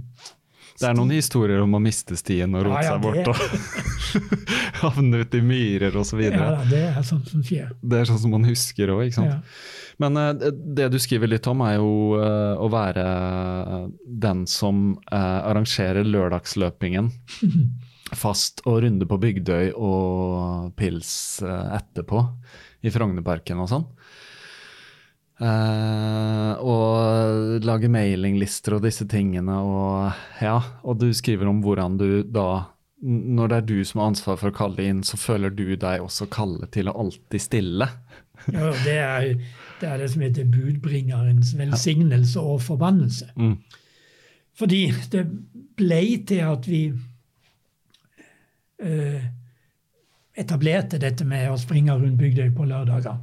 Mm. Uh, og dette er jo fra og Da måtte, var det en fast avtale, for dette er fra før mailens tid. Mm. Så det etablerte seg som en, som en vane. Alle visste hvor du skulle stille Alle når. visste hvor de skulle. Ja. Og, uh, Når, altså. ja. Skal flytte Men- deg litt, ja, hvis du vil sitte Men dette har, dette har, eh, dette har eh, Så lista er kolossalt lang. Ja. Og en gang i året, så Nå er det en mailliste. Og en gang i året så har jeg sendt ut beskjed her det, vil alle stå på denne maillista. Det er jo noen vi ikke har sett på fem år eller ti år. Mhm. Og det er nesten aldri noen som vil melde seg av denne lista, for det gir en følelse at jeg er med i dette løpemiljøet, det er bare at jeg for tida så passer det ikke. Ja. Mens andre vil stå på lista for å bli minnet om at de har vært aktive løpere. Mm. Men det, det er i ferd med, det har glidd ut det siste året, fordi eh, altså Det jeg sa eh, budbringerens velsignelse og forbannelse, det er at eh, fordi jeg har da blitt ansvarlig for å sende ut en mail om dette for å minne folk på det. Så når jeg først har sendt ut en mail om at vi møtes som vanlig klokka ett eh, ved Sinnataggen i Frognerparken, så kan ikke jeg la være å, å stille sjøl. Det er, vel, det er om det er en velsignelse eller en forbannelse, men det betyr at jeg har blitt Hele min kropp og, og familierytme har blitt eh, hekta på dette klokka ett på lørdager, som er det mest upassende tidspunkt for folk flest. ja, egentlig. Med familie og sånn. Ja, ja. Det burde jo være på morgenen eller på et annet tidspunkt. Men det har sett seg fast som en del av min kroppsrytme og livsrytme. Og så er det jo sånn da at hvis ettersom jeg sender ut eh, innkallinger, og så har jeg alltid en tendens til å være seint ute. Mm. Så da vet jeg at ingen har sprunget av gårde før jeg kommer. Men det har glidd ut litt i det siste fordi eh, fordi, eh, fordi vi som begynte med dette for 40 år siden, det er, det er blitt en del artrose i Mm. Og dårlige kne og akillesproblemer og prostataproblemer og eh, harehjerte og det meste. Mm. Så det har vært en viss foryngelse, men eh, jeg kan ikke stole på de unge. Nei. Nei. Nei, du skriver jo det om hvordan det ble helt annerledes plutselig når SMS kom inn og Ja. mailing og sånn, så kunne folk liksom avlyse, og det ble noe helt Ja, annet. det ble ikke den forpliktelsen. Nei, den, men den veldig rart, altså. Ja, ja. Den der, du tenker, hvordan i helvete fant vi på Mm. å treffe hverandre i, før SMS-er, før mail, Mm, og før vi kunne justere dette hele tida? Jo, enkelt. Vi hadde fast avtale. Det var klokka ett i. Frognerparken. Det måtte forholde deg til, egentlig. Ja, ja, alle måtte forholde seg til. Men eh, hva tenker du om eh, du som har holdt på veldig lenge? Du, du skriver litt om pulsklokka. eh, som teknologien når den kom inn, og i begynnelsen var du skeptisk, så vidt jeg forsto. Mm. Og så har du skjønt på en måte hvordan bruke den. Ikke for å teste seg selv på maks osv., men for å holde pulsen nede. Ja, jeg skriver om det fordi Ja. dette var eh, Jeg eh, flirte av pulslokket og syntes det var noe tull i lange tider. Og mente at jeg kjente kroppen min så bra at jeg ikke behøvde det. Mm. Men så var det min fasteste løpekamerat på den tida som skaffa pulslokket. Og så eh, Vi sprang en langtur inn i Maridalen. Og så sier han kan ikke du prøve pulslokka? Og så eh, prøvde jeg pulslokka hans og rapporterte om at den viser så mye og så mye. Fy faen, du må jo gå til legen med en gang. For du har jo altfor høy puls. Eh, så da skaffa jeg pulslokk, og så begynte vi å Og poenget var at jeg har, har, har en høy, hadde en mye høyere makspuls enn han. Ja, Så så derfor ergo en høyere hvilepuls, eller en høyere Marsjfartpuls. Ja, Ja, Og da begynte vi, og da var vi tre som løp mye sammen med pulslokk. Og da begynte vi å, å lære, og så sjekka vi opp makspulsene våre og hvilepulsene våre. Og da ha, kunne vi altså ta ut fra vår Vi kunne omtrent si på, når vi begynte å kjenne pulsen, at nå tror jeg at jeg har en puls på 135.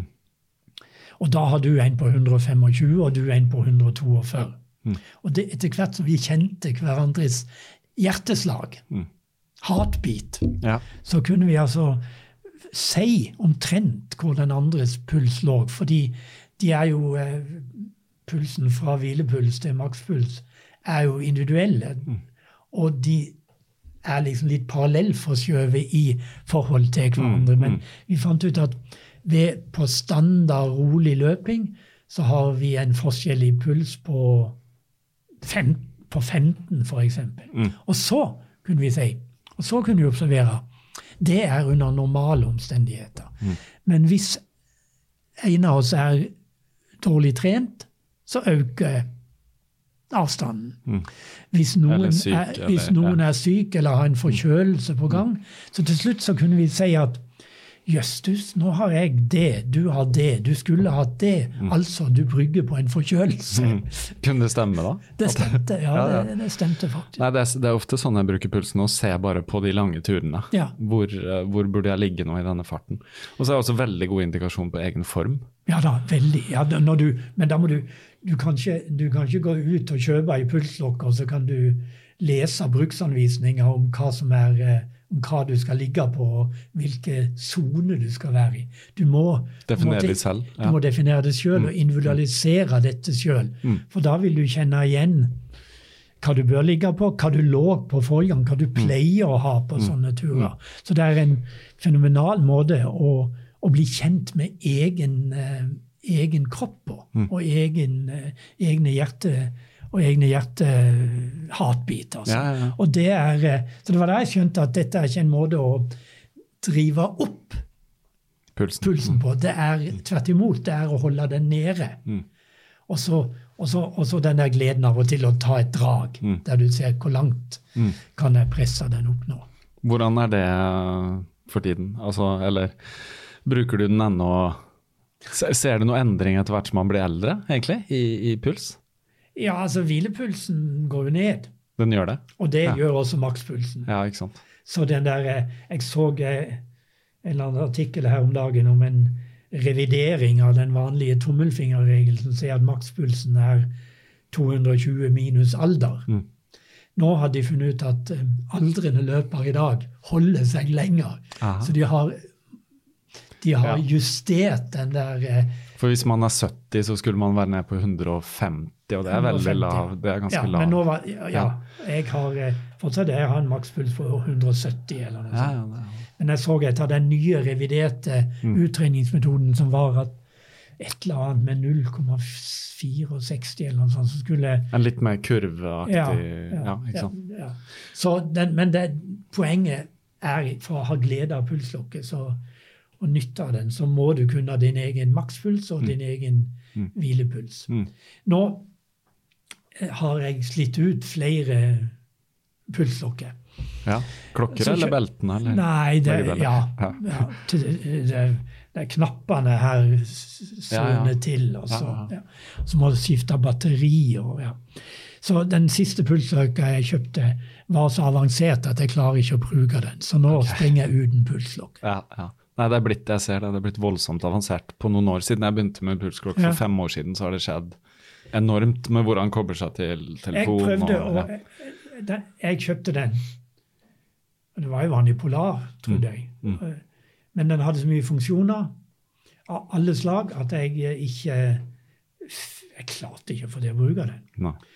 Og så hadde den ligget så lenge at batteriet var gått ut, eller jeg hadde mista batter. Så jeg gikk ned på, ja. på eh, løplabbet Mm. og spurte om, om jeg kunne få en ny sånn lader. Mhm. Så sier jeg, hva slags klokke har du? Ja, jeg har denne. Mm. Oh, den skulle ha vært på Teknisk museum for lenge siden. Og den var veldig så avansert for tre år siden at jeg ikke klarte å bruke den. okay. Så Mm. jeg, må, jeg skal skaffe meg en ny, men da skal jeg gå på, eh, da skal jeg gå på Nille, Mm. som selger enkle nok pulsklokker, Ja. som gjør det jeg har bruk for, Ja. nemlig å måle pulsen. Ja, ja. Og, og, kunne, og, kunne, og der du, kunne, der du kan eh, ta ti, der du kan ta mellomtida Mm. og pulsen. Jeg skal ikke koble dette på GPS, GPS. Jeg skal heller ikke koble det på at alle mine løpedata blir spredd i, eh, i verdensveven. Nei, for det, det vil jeg spørre deg om, for i dag er det jo veldig vanlig blant løpere, Mm. meg innbefattet, å ha løpeklokke sånn. Når jeg stopper min og lagrer den, så går den automatisk telefon, som automatisk laster den inn ja, på Garmin, som igjen Ja. laster den på Strava. Ja. Og vips, så er den ute i verden, Ja. og alle kan se det, Ja. og noen gir deg har du, Er du på dette? Overhodet ikke. Overhodet ikke. Hva, hva, tenker du om det, da? Hvordan det er blitt i dag? At, og det er litt sånn en større sak med sosiale medier og sånn, ja. men hvordan vi deler Jo, men det er ikke sant, det, Dette er Jeg kan godt snakke med andre om at jeg hadde en veldig fin løpetur i dag. altså Vi eh, sprang der og der og der, og, eh, Mm. og og vi fant en ny sti, eller, og pulsen min var veldig låg. Mm. Uh, og jeg har sånn bitte små kinabøker. Mhm. der jeg har notert alle mine løpeturer fra 1980 Ah. med én linje Mm. der det står eh, to Nei, to linjer. Det står eh, eh, hvor sprang jeg henne, hvem sprang jeg sammen med, Mm. eh, hva, hvor mange kilometer sprang jeg, hva var eh, pulsen, Mm. og hva var det fine med denne turen. Mm.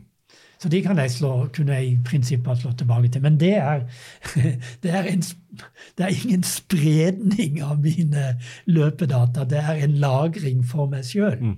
Så ut fra det vi snakka om for veldig lenge siden i denne samtalen, så, så er den der spredninga til Strava og Garmin det er meg helt fullstendig fremmed. Mm. Fordi eh, det sier noe om at den løpinga du driver, gjør du i forhold til eh, noe, noe eksternt. Mm. Altså en eller annen, en eller annen reell eller virtuell eh, krets der ute. Mm. Mens jeg sier at jeg springer egentlig inn i meg sjøl. Mm. Så det er, når jeg jeg noterer dette i en sånn bok, så er det for å kunne eh, minnes året etterpå og se ja, men sprang jeg den turen der? Mm. Hvorfor sprang jeg ikke liksom, den eh, lille ekstrasløyfa der? Og Mm. hvor mye saktere går det? og sånn. Mm. Så dette, dette, vil jeg ha, dette kan jeg dele med, med mine nærmeste løpevenner. Mm. Som i det jeg kaller vårt løpende seminar. Mm. Som altså dreier seg om eh, Og da utveksler vi mens vi springer. Så kan vi utveksle sånne ting om hva, hva er pulsen din nå, hvor mye har du sprunget denne måneden, eller noe sånt. Mm. Men mest er det eh, Da taler han at det heter løpende seminar, fordi eh, vi løper hele tida, vi går ikke tur. Og det er et seminar fordi vi springer i, i prate, i samtalefart. Mm. Og så er det eh, etter, Dette er ofte folk jeg bare møter i den løpesettingen. Det kan være gamle venner, nye venner. Så derfor er det også et seminar der vi enten oppdaterer våre personlige eh, ting, og barn og alt mulig. Eller det kan være at nå snakker vi i dag snakket vi bare om Nav, eller i dag snakket vi bare Ja. om Trump, eller i dag snakket vi bare om dette og dette. Så det er en, det er en slags kobling av, av, av samtale mens du løper, er også en spesiell form for samtale.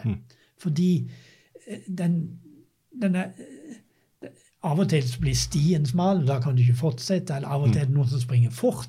Av og til er det noen som, som blir tungpusta og ikke kan delta. Så det er en spesiell form for samtale. Det er det. Den Men den er sammenhengende Ja. på en måte. Og jeg mener jo at eh, spesielt når du eh, springer langt og blir litt sliten i kroppen, men, eh, men, eh, men fortsatt i, i normal pustefrekvens, det er noen av de åpneste samtalene Mm. jeg har. Mm. Fordi da kan du snakke ganske åpent og direkte, og hvis samtalen blir ubehagelig, så kan du bare legge inn et drag, eller Mm. stoppe å drikke, eller noe sånt. Mm. Så det er For meg har dette med er det da, har det å gjøre med rytme. Altså, Du kommer inn i en løperytme som samtidig etablerer en, eh, en, en eh, snakkerytme. Og for så vidt en tankerytme. Mm. Så eh, Som ikke er å finne noe annet sted. som jeg ikke finner noe annet sted. Altså, Nei, jeg, kan, jeg kan sikkert både tenke og, og Mm. og snakke i andre sammenhenger, Ja. men det er, an, det er ikke en sammenfall mellom Mm. disse rytmene som kobler seg Mm. i, i aktiviteten, at det er, det er løpende. Mm. Jeg synes, ja, Det er egentlig en eh, sånn passelig fin uh, avslutning, kanskje. Ja. Fordi jeg har en side til, men det handler litt om uh, Jeg har notert uh, det, det er så mange historier at det nesten jeg bare anbefaler alle å lese boka. Men det, det, det er en, en uh, tittel som er nevnt som jeg syns er så jævlig fin, som heter 'The Loneliness of the Long Distance Runner'. ja.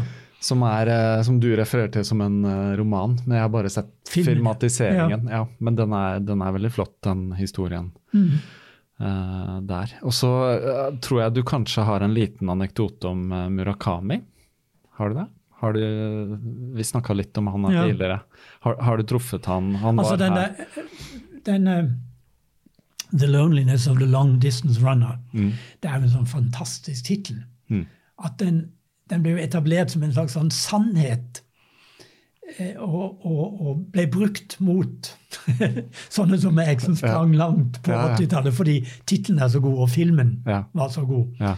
Uh, så uh, jeg, uh, jeg har aldri sprunget over tre mil alene noen gang. Altså Tror jeg ikke. Altså For meg er, eh, er, er, er å springe lenge er å springe sammen med noen. Mm. hvis, jeg, hvis jeg springer alene, så springer jeg fortere. Mm. så det er, det er gleden ved the collectiveness of the long distance runner som, er, mm. som er min glede ved det. ja. Og det er noe annet enn eh, enn, en den der forestillinga om, om den ensomme, isolerte som bare finner mening i dette ved å gjøre dette alene. Som begynner som Forrest Gump, for å si det sånn. Som bare springer av gårde. Ja.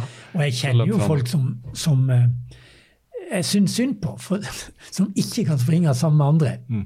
Som altså eh, start, Som jeg har prøvd å dra inn i. Jeg visste de drev og løp av forskjellige grunner, av helsegrunner og sånn. Som jeg har prøvd å trekke inn i mitt løpende samtalenettverk, men som overhodet ikke kan det. Nei. Å springe for de, eller å trene, er å starte der, springe den samme runden på samme tid, og ikke la seg påvirke av noen andre ting enn Dagsnytt 18 eller eh, musikk eller, pod Ja. eller podkaster. Men er det mennesker som trener til løp og skal Nei, løpe tider og sånn? Ja, de kan trene til løp, Ja, men altså, de, har, de, trener, de har fått eh, De trener av, av Skal få ned kolesterolet eller, eh, Mm. eller trener trene av, helsemessige grunner. Ja. Så det er Men- litt mer men- den tvangsløpinga, kanskje? Det er det eller? jeg kaller tvangsløpinga. Og det er helt greit for meg, men det er virkelig ikke min greie. Nei. Jeg skjønner at det er fornuftig at de har godt av det, Mm. men enten det er at de må springe akkurat samme, samme runde, Mm. om det plager de eller ikke, og at de må kutte ut eh, må kutte ut det å snakke med andre, eller det å Mm. høre på fuglesangen, eller s- stoppe opp fordi det er så fin bekkesus, Mm. fordi de i tillegg springer med musikk på øret, eller, Ja. eller Og, nå, og på nå øret. skal jeg, og ha den holdninga at nå skal jeg trene. Ja. Dette er liksom trene, og det kan ikke kombineres med Ja, trene, og Det betyr ikke at du trener jævlig hardt, men altså det, er, det, er, en, det er en utenfra påført aktivitet som skal gjøre deg noe godt. Mm. Altså Du springer ikke fordi du vil springe, men av andre funksjonelle grunner. Mm. For å bli sunnere, friskere, slankere, Mm. eller hva det måtte være. Ja. Og det er Du refererer til denne boka mi, som, som altså jeg mener er ei anti-Murakami-bok. ja, du sa det. Jeg Ja. lurte litt på hva du mente med det. Ja, jeg mener, Det er en forlengelse av det jeg akkurat sa nå. Ja. Fordi altså Murakami er min favorittforfatter. Det er jo en skandale at han ikke har fått nobelprisen. Mm. Ja, når skjer det, egentlig? Og da skal jeg si 'endelig'. Ja, endelig. Men jeg, har, jeg leser alt av og Ja. eh, eh, Jeg har lest noe av han, men ikke den nyeste. denne, denne, denne halvfantastiske sjangeren med mystiske personer Mm. og eh, Kafka på stranden eller, Mm. eh, eller Norwegian Wood. eh, Hele pakka. Jeg er fan. Mm. Men den boka han har skrevet om løping, er farlig. Den heter 'What I Talk About When I Talk About Running'. Og um, det han Moralen i den boka er, og det er en jævla moralsk bok, altså, eh, det er at eh, han springer samme runde, samme tidspunkt, samme fart, alene, og stenge og høre jazz. Altså det er en, for meg er det en ren tvangsforestilling. Han deltar jo også i maratonløp og ultraløp.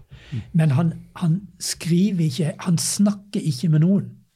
Han gir i boka ikke noe signal om at dette har han en eller annen sånn en boblende glede av.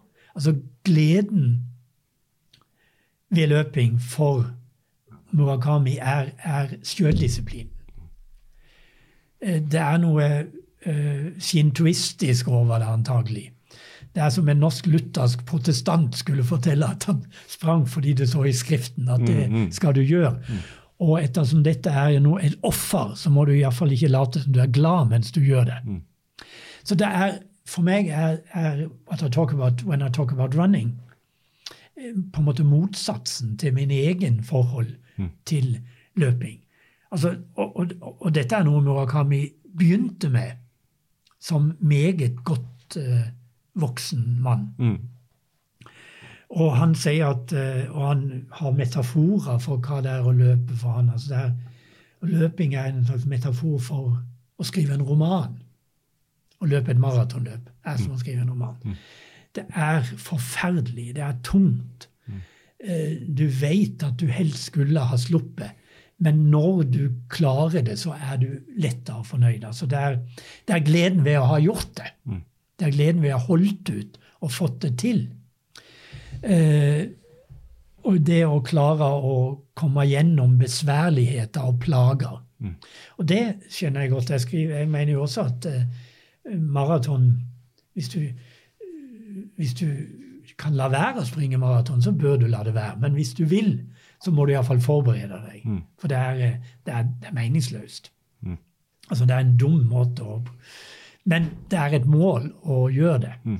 Eh, sånn at, at eh, for så vidt er et maratonløp en god metafor for selve livet. Altså, det gjelder å holde ut. Det er mye plager, det er noen gleder. Men du må streve for å komme gjennom ja. det, for å holde ut. Og det er det er eh, Murakami har bare det. Mm. Han har ikke denne, som jeg kaller den, den, den indre kroppslige nytelse og glede som går over i velvære, mm. og som altså er, er endorfiner i sprut, mm. som, som, gjør at når jeg Det er en kamerat av meg som sier jeg har ofte grudd meg til en treningstur, men jeg har aldri angra etterpå. Og sånn har vel jeg da altså Eh, det er ikke alltid Akkurat nå er det et helvetes drittvær. Mm. Det, er ikke bare, det er ikke bare fristende å gjøre det. No. Men jeg vet at jeg føler meg bedre etterpå. Mm. Og det har vært sånn at uh, hvis jeg, Det er sånn for meg at hvis jeg har vært ikke-løpende i to-tre dager, så blir jeg urolig. Jeg får, føler meg urolig både i kropp og sjel. Og kona mi løper ikke, men hun kjenner meg så godt at hun sier nå må, du ta en, nå må du ut og springe en tur, for nå er du ikke grei å ha med å gjøre. Mm. Og det er, det er disse ekstratinga som altså vever seg sammen med løpinga, som er min kroppslige og fysiske og mentale totalpakke av løpinga. Og det er motsatsen til, mm. til eh, Murakami. Sånn at når jeg sier boka er farlig, så er den farlig for lesende mennesker som som, eh, som eh, mener, som jeg, at Murakami er eh, en av verdens beste forfattere. Mm. Og hvis de dermed tror at det han skriver om løping, også må være sannheten, mm. så er de farlig ute. Mm. Da får du sånne 40-årige litteraturinteresserte som har begynt å, å tro de må begynne å springe fordi de er glad i Murakami og at han er deres profet. Ja. Og så finner de ut at dette er bare en plage. Mm. Derfor er min bok ei antimurakami-bok. Ja, ja det, det, må jeg si. Det, det, er to veldig forskjellige bøker. Men det går an å like begge to for det? Eh, de bøkene, det gjør det. Da kan du jo si, da sier du det vanlige. Vi får ta det beste ja. fra to verdener. Ja, ikke sant. Ja, men, eh, men var det til, møtte, traff du på han da han var her? Har du snakka med han? Eh, han var jo her i Oslo. Han var her en hel uke på, ja, på, på, på på, eh, på Litteraturhuset. Og da sprang han en runde i Slottsparken hver dag. Mm. Og jeg var med på en samtale om løping. Mm. Eh, der, eh, der de virkelige litteratene de kom ikke. Mm. Fordi de sier vi er kjem... Redaktøren i Pax Forlag for eksempel, sa Mm. at eh, jeg har vært på alle møter med og alle opplesninger med Okami, men på dette møtet om løping, der skal jeg ikke gå. Okay. Men han var til stede, men det var eh, Ja. jeg og noen andre sånne skrivende og snakkende løpere som snakka om løping. Vigdis Hjort, for eksempel, husker jeg. ja. Så jeg veksla noen ord med han, men det var, det var bare for å kunne ha sagt at jeg har snakka med Murakami. Vi hadde ingen uttømmende samtale om Nei. løping. Nei. Kanskje en annen gang. Eh, nei, vet du hva. Men jeg vil iallfall ikke, jeg vil ikke springe med han, altså. Nei, nei, nei. Fordi uh, altså hvis jeg skulle ha sprunget med Murakami, så ville jeg ha snakka om løping med han. Mm. Og, Ja. og han ville ha sagt nei. Sånn gjør en ikke når en løper. Nei. Skal en Kanskje han, han, han vil bare løpe alene. Det er kanskje bare det sånn han er. Legg merke til boka hans heter Ja. What I talk about when I talk about running. Jeg vil si What I talk about when running. Mm. Ja, for det heter den ikke. det ikke. er to veldig annet. forskjellige. Ja, Ja. ikke sant? Ja. Uh, men uh, jeg, jeg tror vi er kommet til en litt sånn naturlig veis ende her. Eh, hvis ikke det er noe det, det er så mye som står i denne boka at du kunne egentlig bare fortsatt og fortsatt, men uh, Jeg kunne jo ha lest hele boka på kortere tid enn den vi har snakka nå. Du kunne nesten det. Men du spurte meg før vi begynte at du Ja. ville at jeg skulle avslutte med forordet. Ja. Jeg skal bare vet du hva, da skal jeg bare sette på kameraet igjen, faktisk. Så, så kan vi gjøre det. For, forordet er fint. Det er uh, flott skrevet, så gjerne les det. Ja, det er altså min trosbekjennelse om min løpeavhengighet. Derfor heter det credo. Og det står aller først i boka. Dette er bekjennelseslitteratur. Dette er virkelighetslitteratur. Jeg medgir at jeg er avhengig. Jeg veit ikke når det bikker. Jeg innrømmer at jeg ikke klarer meg uten. Jeg vedgår at jeg ikke kan la være. Jeg aksepterer at jeg må leve med det. Jeg er glad for at det er slik. For å leve, det er å elske. Å springe, det er å leve. Jeg er en springskalle. Kuru, ergo sum. Jeg springer, altså er jeg. Takk for det. Jeg kan bare si, eh, Det er mye vi kunne snakka om, men eh, bare si eh, tusen takk for at du kom. Du tok deg tid til å prate med meg. Og så anbefaler jeg igjen alle å lese boka. Og jeg spurte deg litt om det. Den, den er bare å kjøpe i, der man kjøper bøker. Ikke på Amazon, men andre steder. Og så snakkes vi kanskje igjen på Tore Tor Obrestad-løpet neste år. Absolutt. Jeg, Ja. Det var hyggelig å snakke med deg. Det, var jo en, vi har jo, det, er jo en, det er jo en langtur, faktisk. Ja, dette er en langtur. Vi har, Ja, ja, du, vi du har snakka en langtur, egentlig. ja, du var litt overraska når vi satt nede på kaffebrenneriet her, og du lurte litt på hva jeg drev med og sånn. Jeg forklarte jeg sa at det kunne gå det kunne gå to timer, og du hørtes litt overraska ut, men jeg ser her nå at vi nærmer oss to timer. Jeg kommer til å klippe litt av det i begynnelsen når vi småprater, men du, du skjønner mer nå, Jo, men. Det er derfor jeg sier det er som en, eh, det er som en, en, en rolig langtur. Ja, ja. Der altså du, du, når, du finner, når du finner tempoet, og når du finner i dette tilfellet praterytmen, så, eh, så, eh, så, så øker på en måte, og så, så, så kommer du i rytme. Og da, om det går Du hadde tenkt deg 10 km, og plutselig er det 15 eller 17 eller 20. Og Derfor har jeg alltid drikkebelte med meg. Fordi klokt. selv om jeg har tenkt en kort tur, så kan den plutselig bli lenger. Og da må du ha noe å drikke og eventuelt noe å spise. Så mm. samtalen var utvikla seg som en, eh, en rolig langtur som ble litt lengre enn du hadde tenkt. Fordi vi fant noen spor eller noen stier som vi har lyst til å prøve ut. Og, eh, og vi fant en rytme og en flyt. Så dette var eh, metaforisk var det som en eh, god, rolig langtur. Det var en perfekt avslutning. Tusen takk, Andreas. Og så sier jeg, minner jeg igjen om sier velkommen til Obrestadløpet. Alle helgens dag for Grorud torg klokka 11. Ja. Jeg tror eh, det kommer til å bli en som stiller, selv om det er nesten et år til nå. Ja, ja. Så skal jeg, så lenge, Hvis jeg holder på med dette til neste år på den tiden, som jeg håper, så skal jeg minne om det. Ja. Så ses vi i hvert fall der. Mm. Det var Andreas uh, Humpland. Uh, veldig gøy å snakke med han. Uh, veldig trivelig. Jeg fikk et signert eksemplar av boka. Det, tusen takk for det, Andreas. Det, det setter jeg pris på. Eh, bare ta litt uh, om meg selv. Uh, fordi dette er min påkast, så jeg må snakke litt om meg selv. Selvfølgelig må jeg det. Jeg skal løpe mitt maraton nummer to i Malaga 15. desember. Og nå har jeg løpt min siste langtur. I går løp jeg 31,5 km tur, og på formiddagen så hadde jeg løpt uh, i underkant av fem for å løpe tur-retur Bislett. Det er distanserekord uh, på trening for meg på en dag. Um, og eh, programmet mitt sier at det var siste langtur. De neste søndagene så blir det litt kortere langturer, men med litt mer fart. eh, Avslutt fort og sånn. Nå, eh, nå må man bare begynne å få opp farta litt. Ikke det at jeg ikke har løpt fart tidligere, men begynne å få opp farta litt. Og beina er ganske stinne, må jeg innrømme. De er vel der de skal være når man er i et maratonprogram og har løpt mange langturer de siste ukene. Eh, jeg er fortsatt like mye tvil på hvor jeg står, fordi min opplevelse av det hele er at eh, når jeg passerer 30, så blir jeg rimelig sliten i beina og får ikke så veldig lyst til å løpe lenger.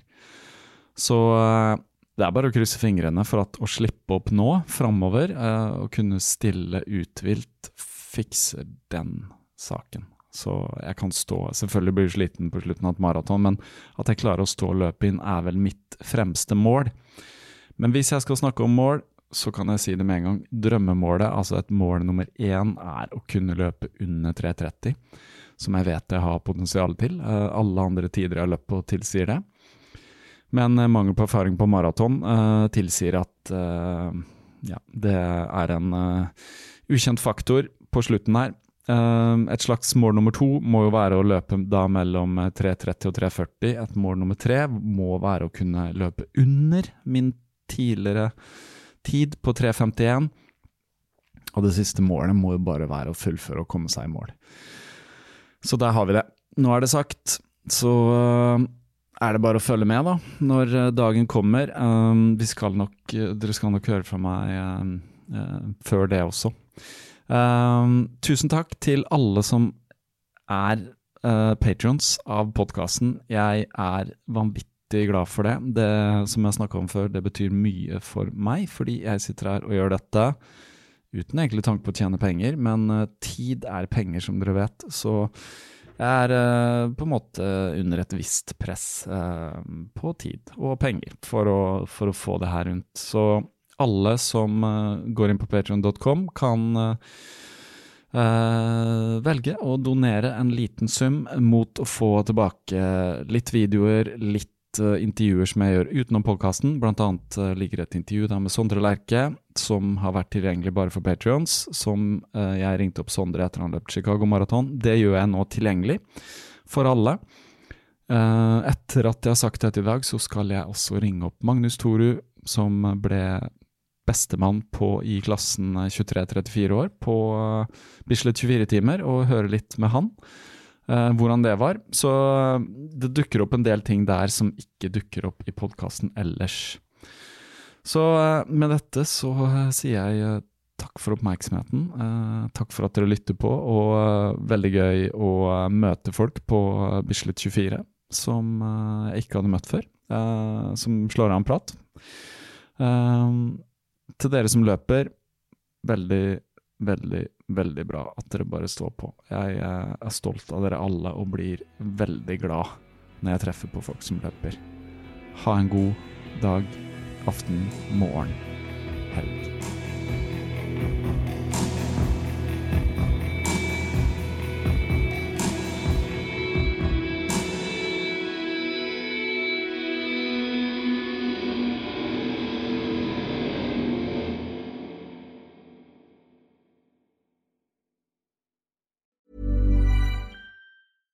Hey, it's Paige DeSorbo from Giggly Squad. High quality fashion without the price tag. Say hello to Quince.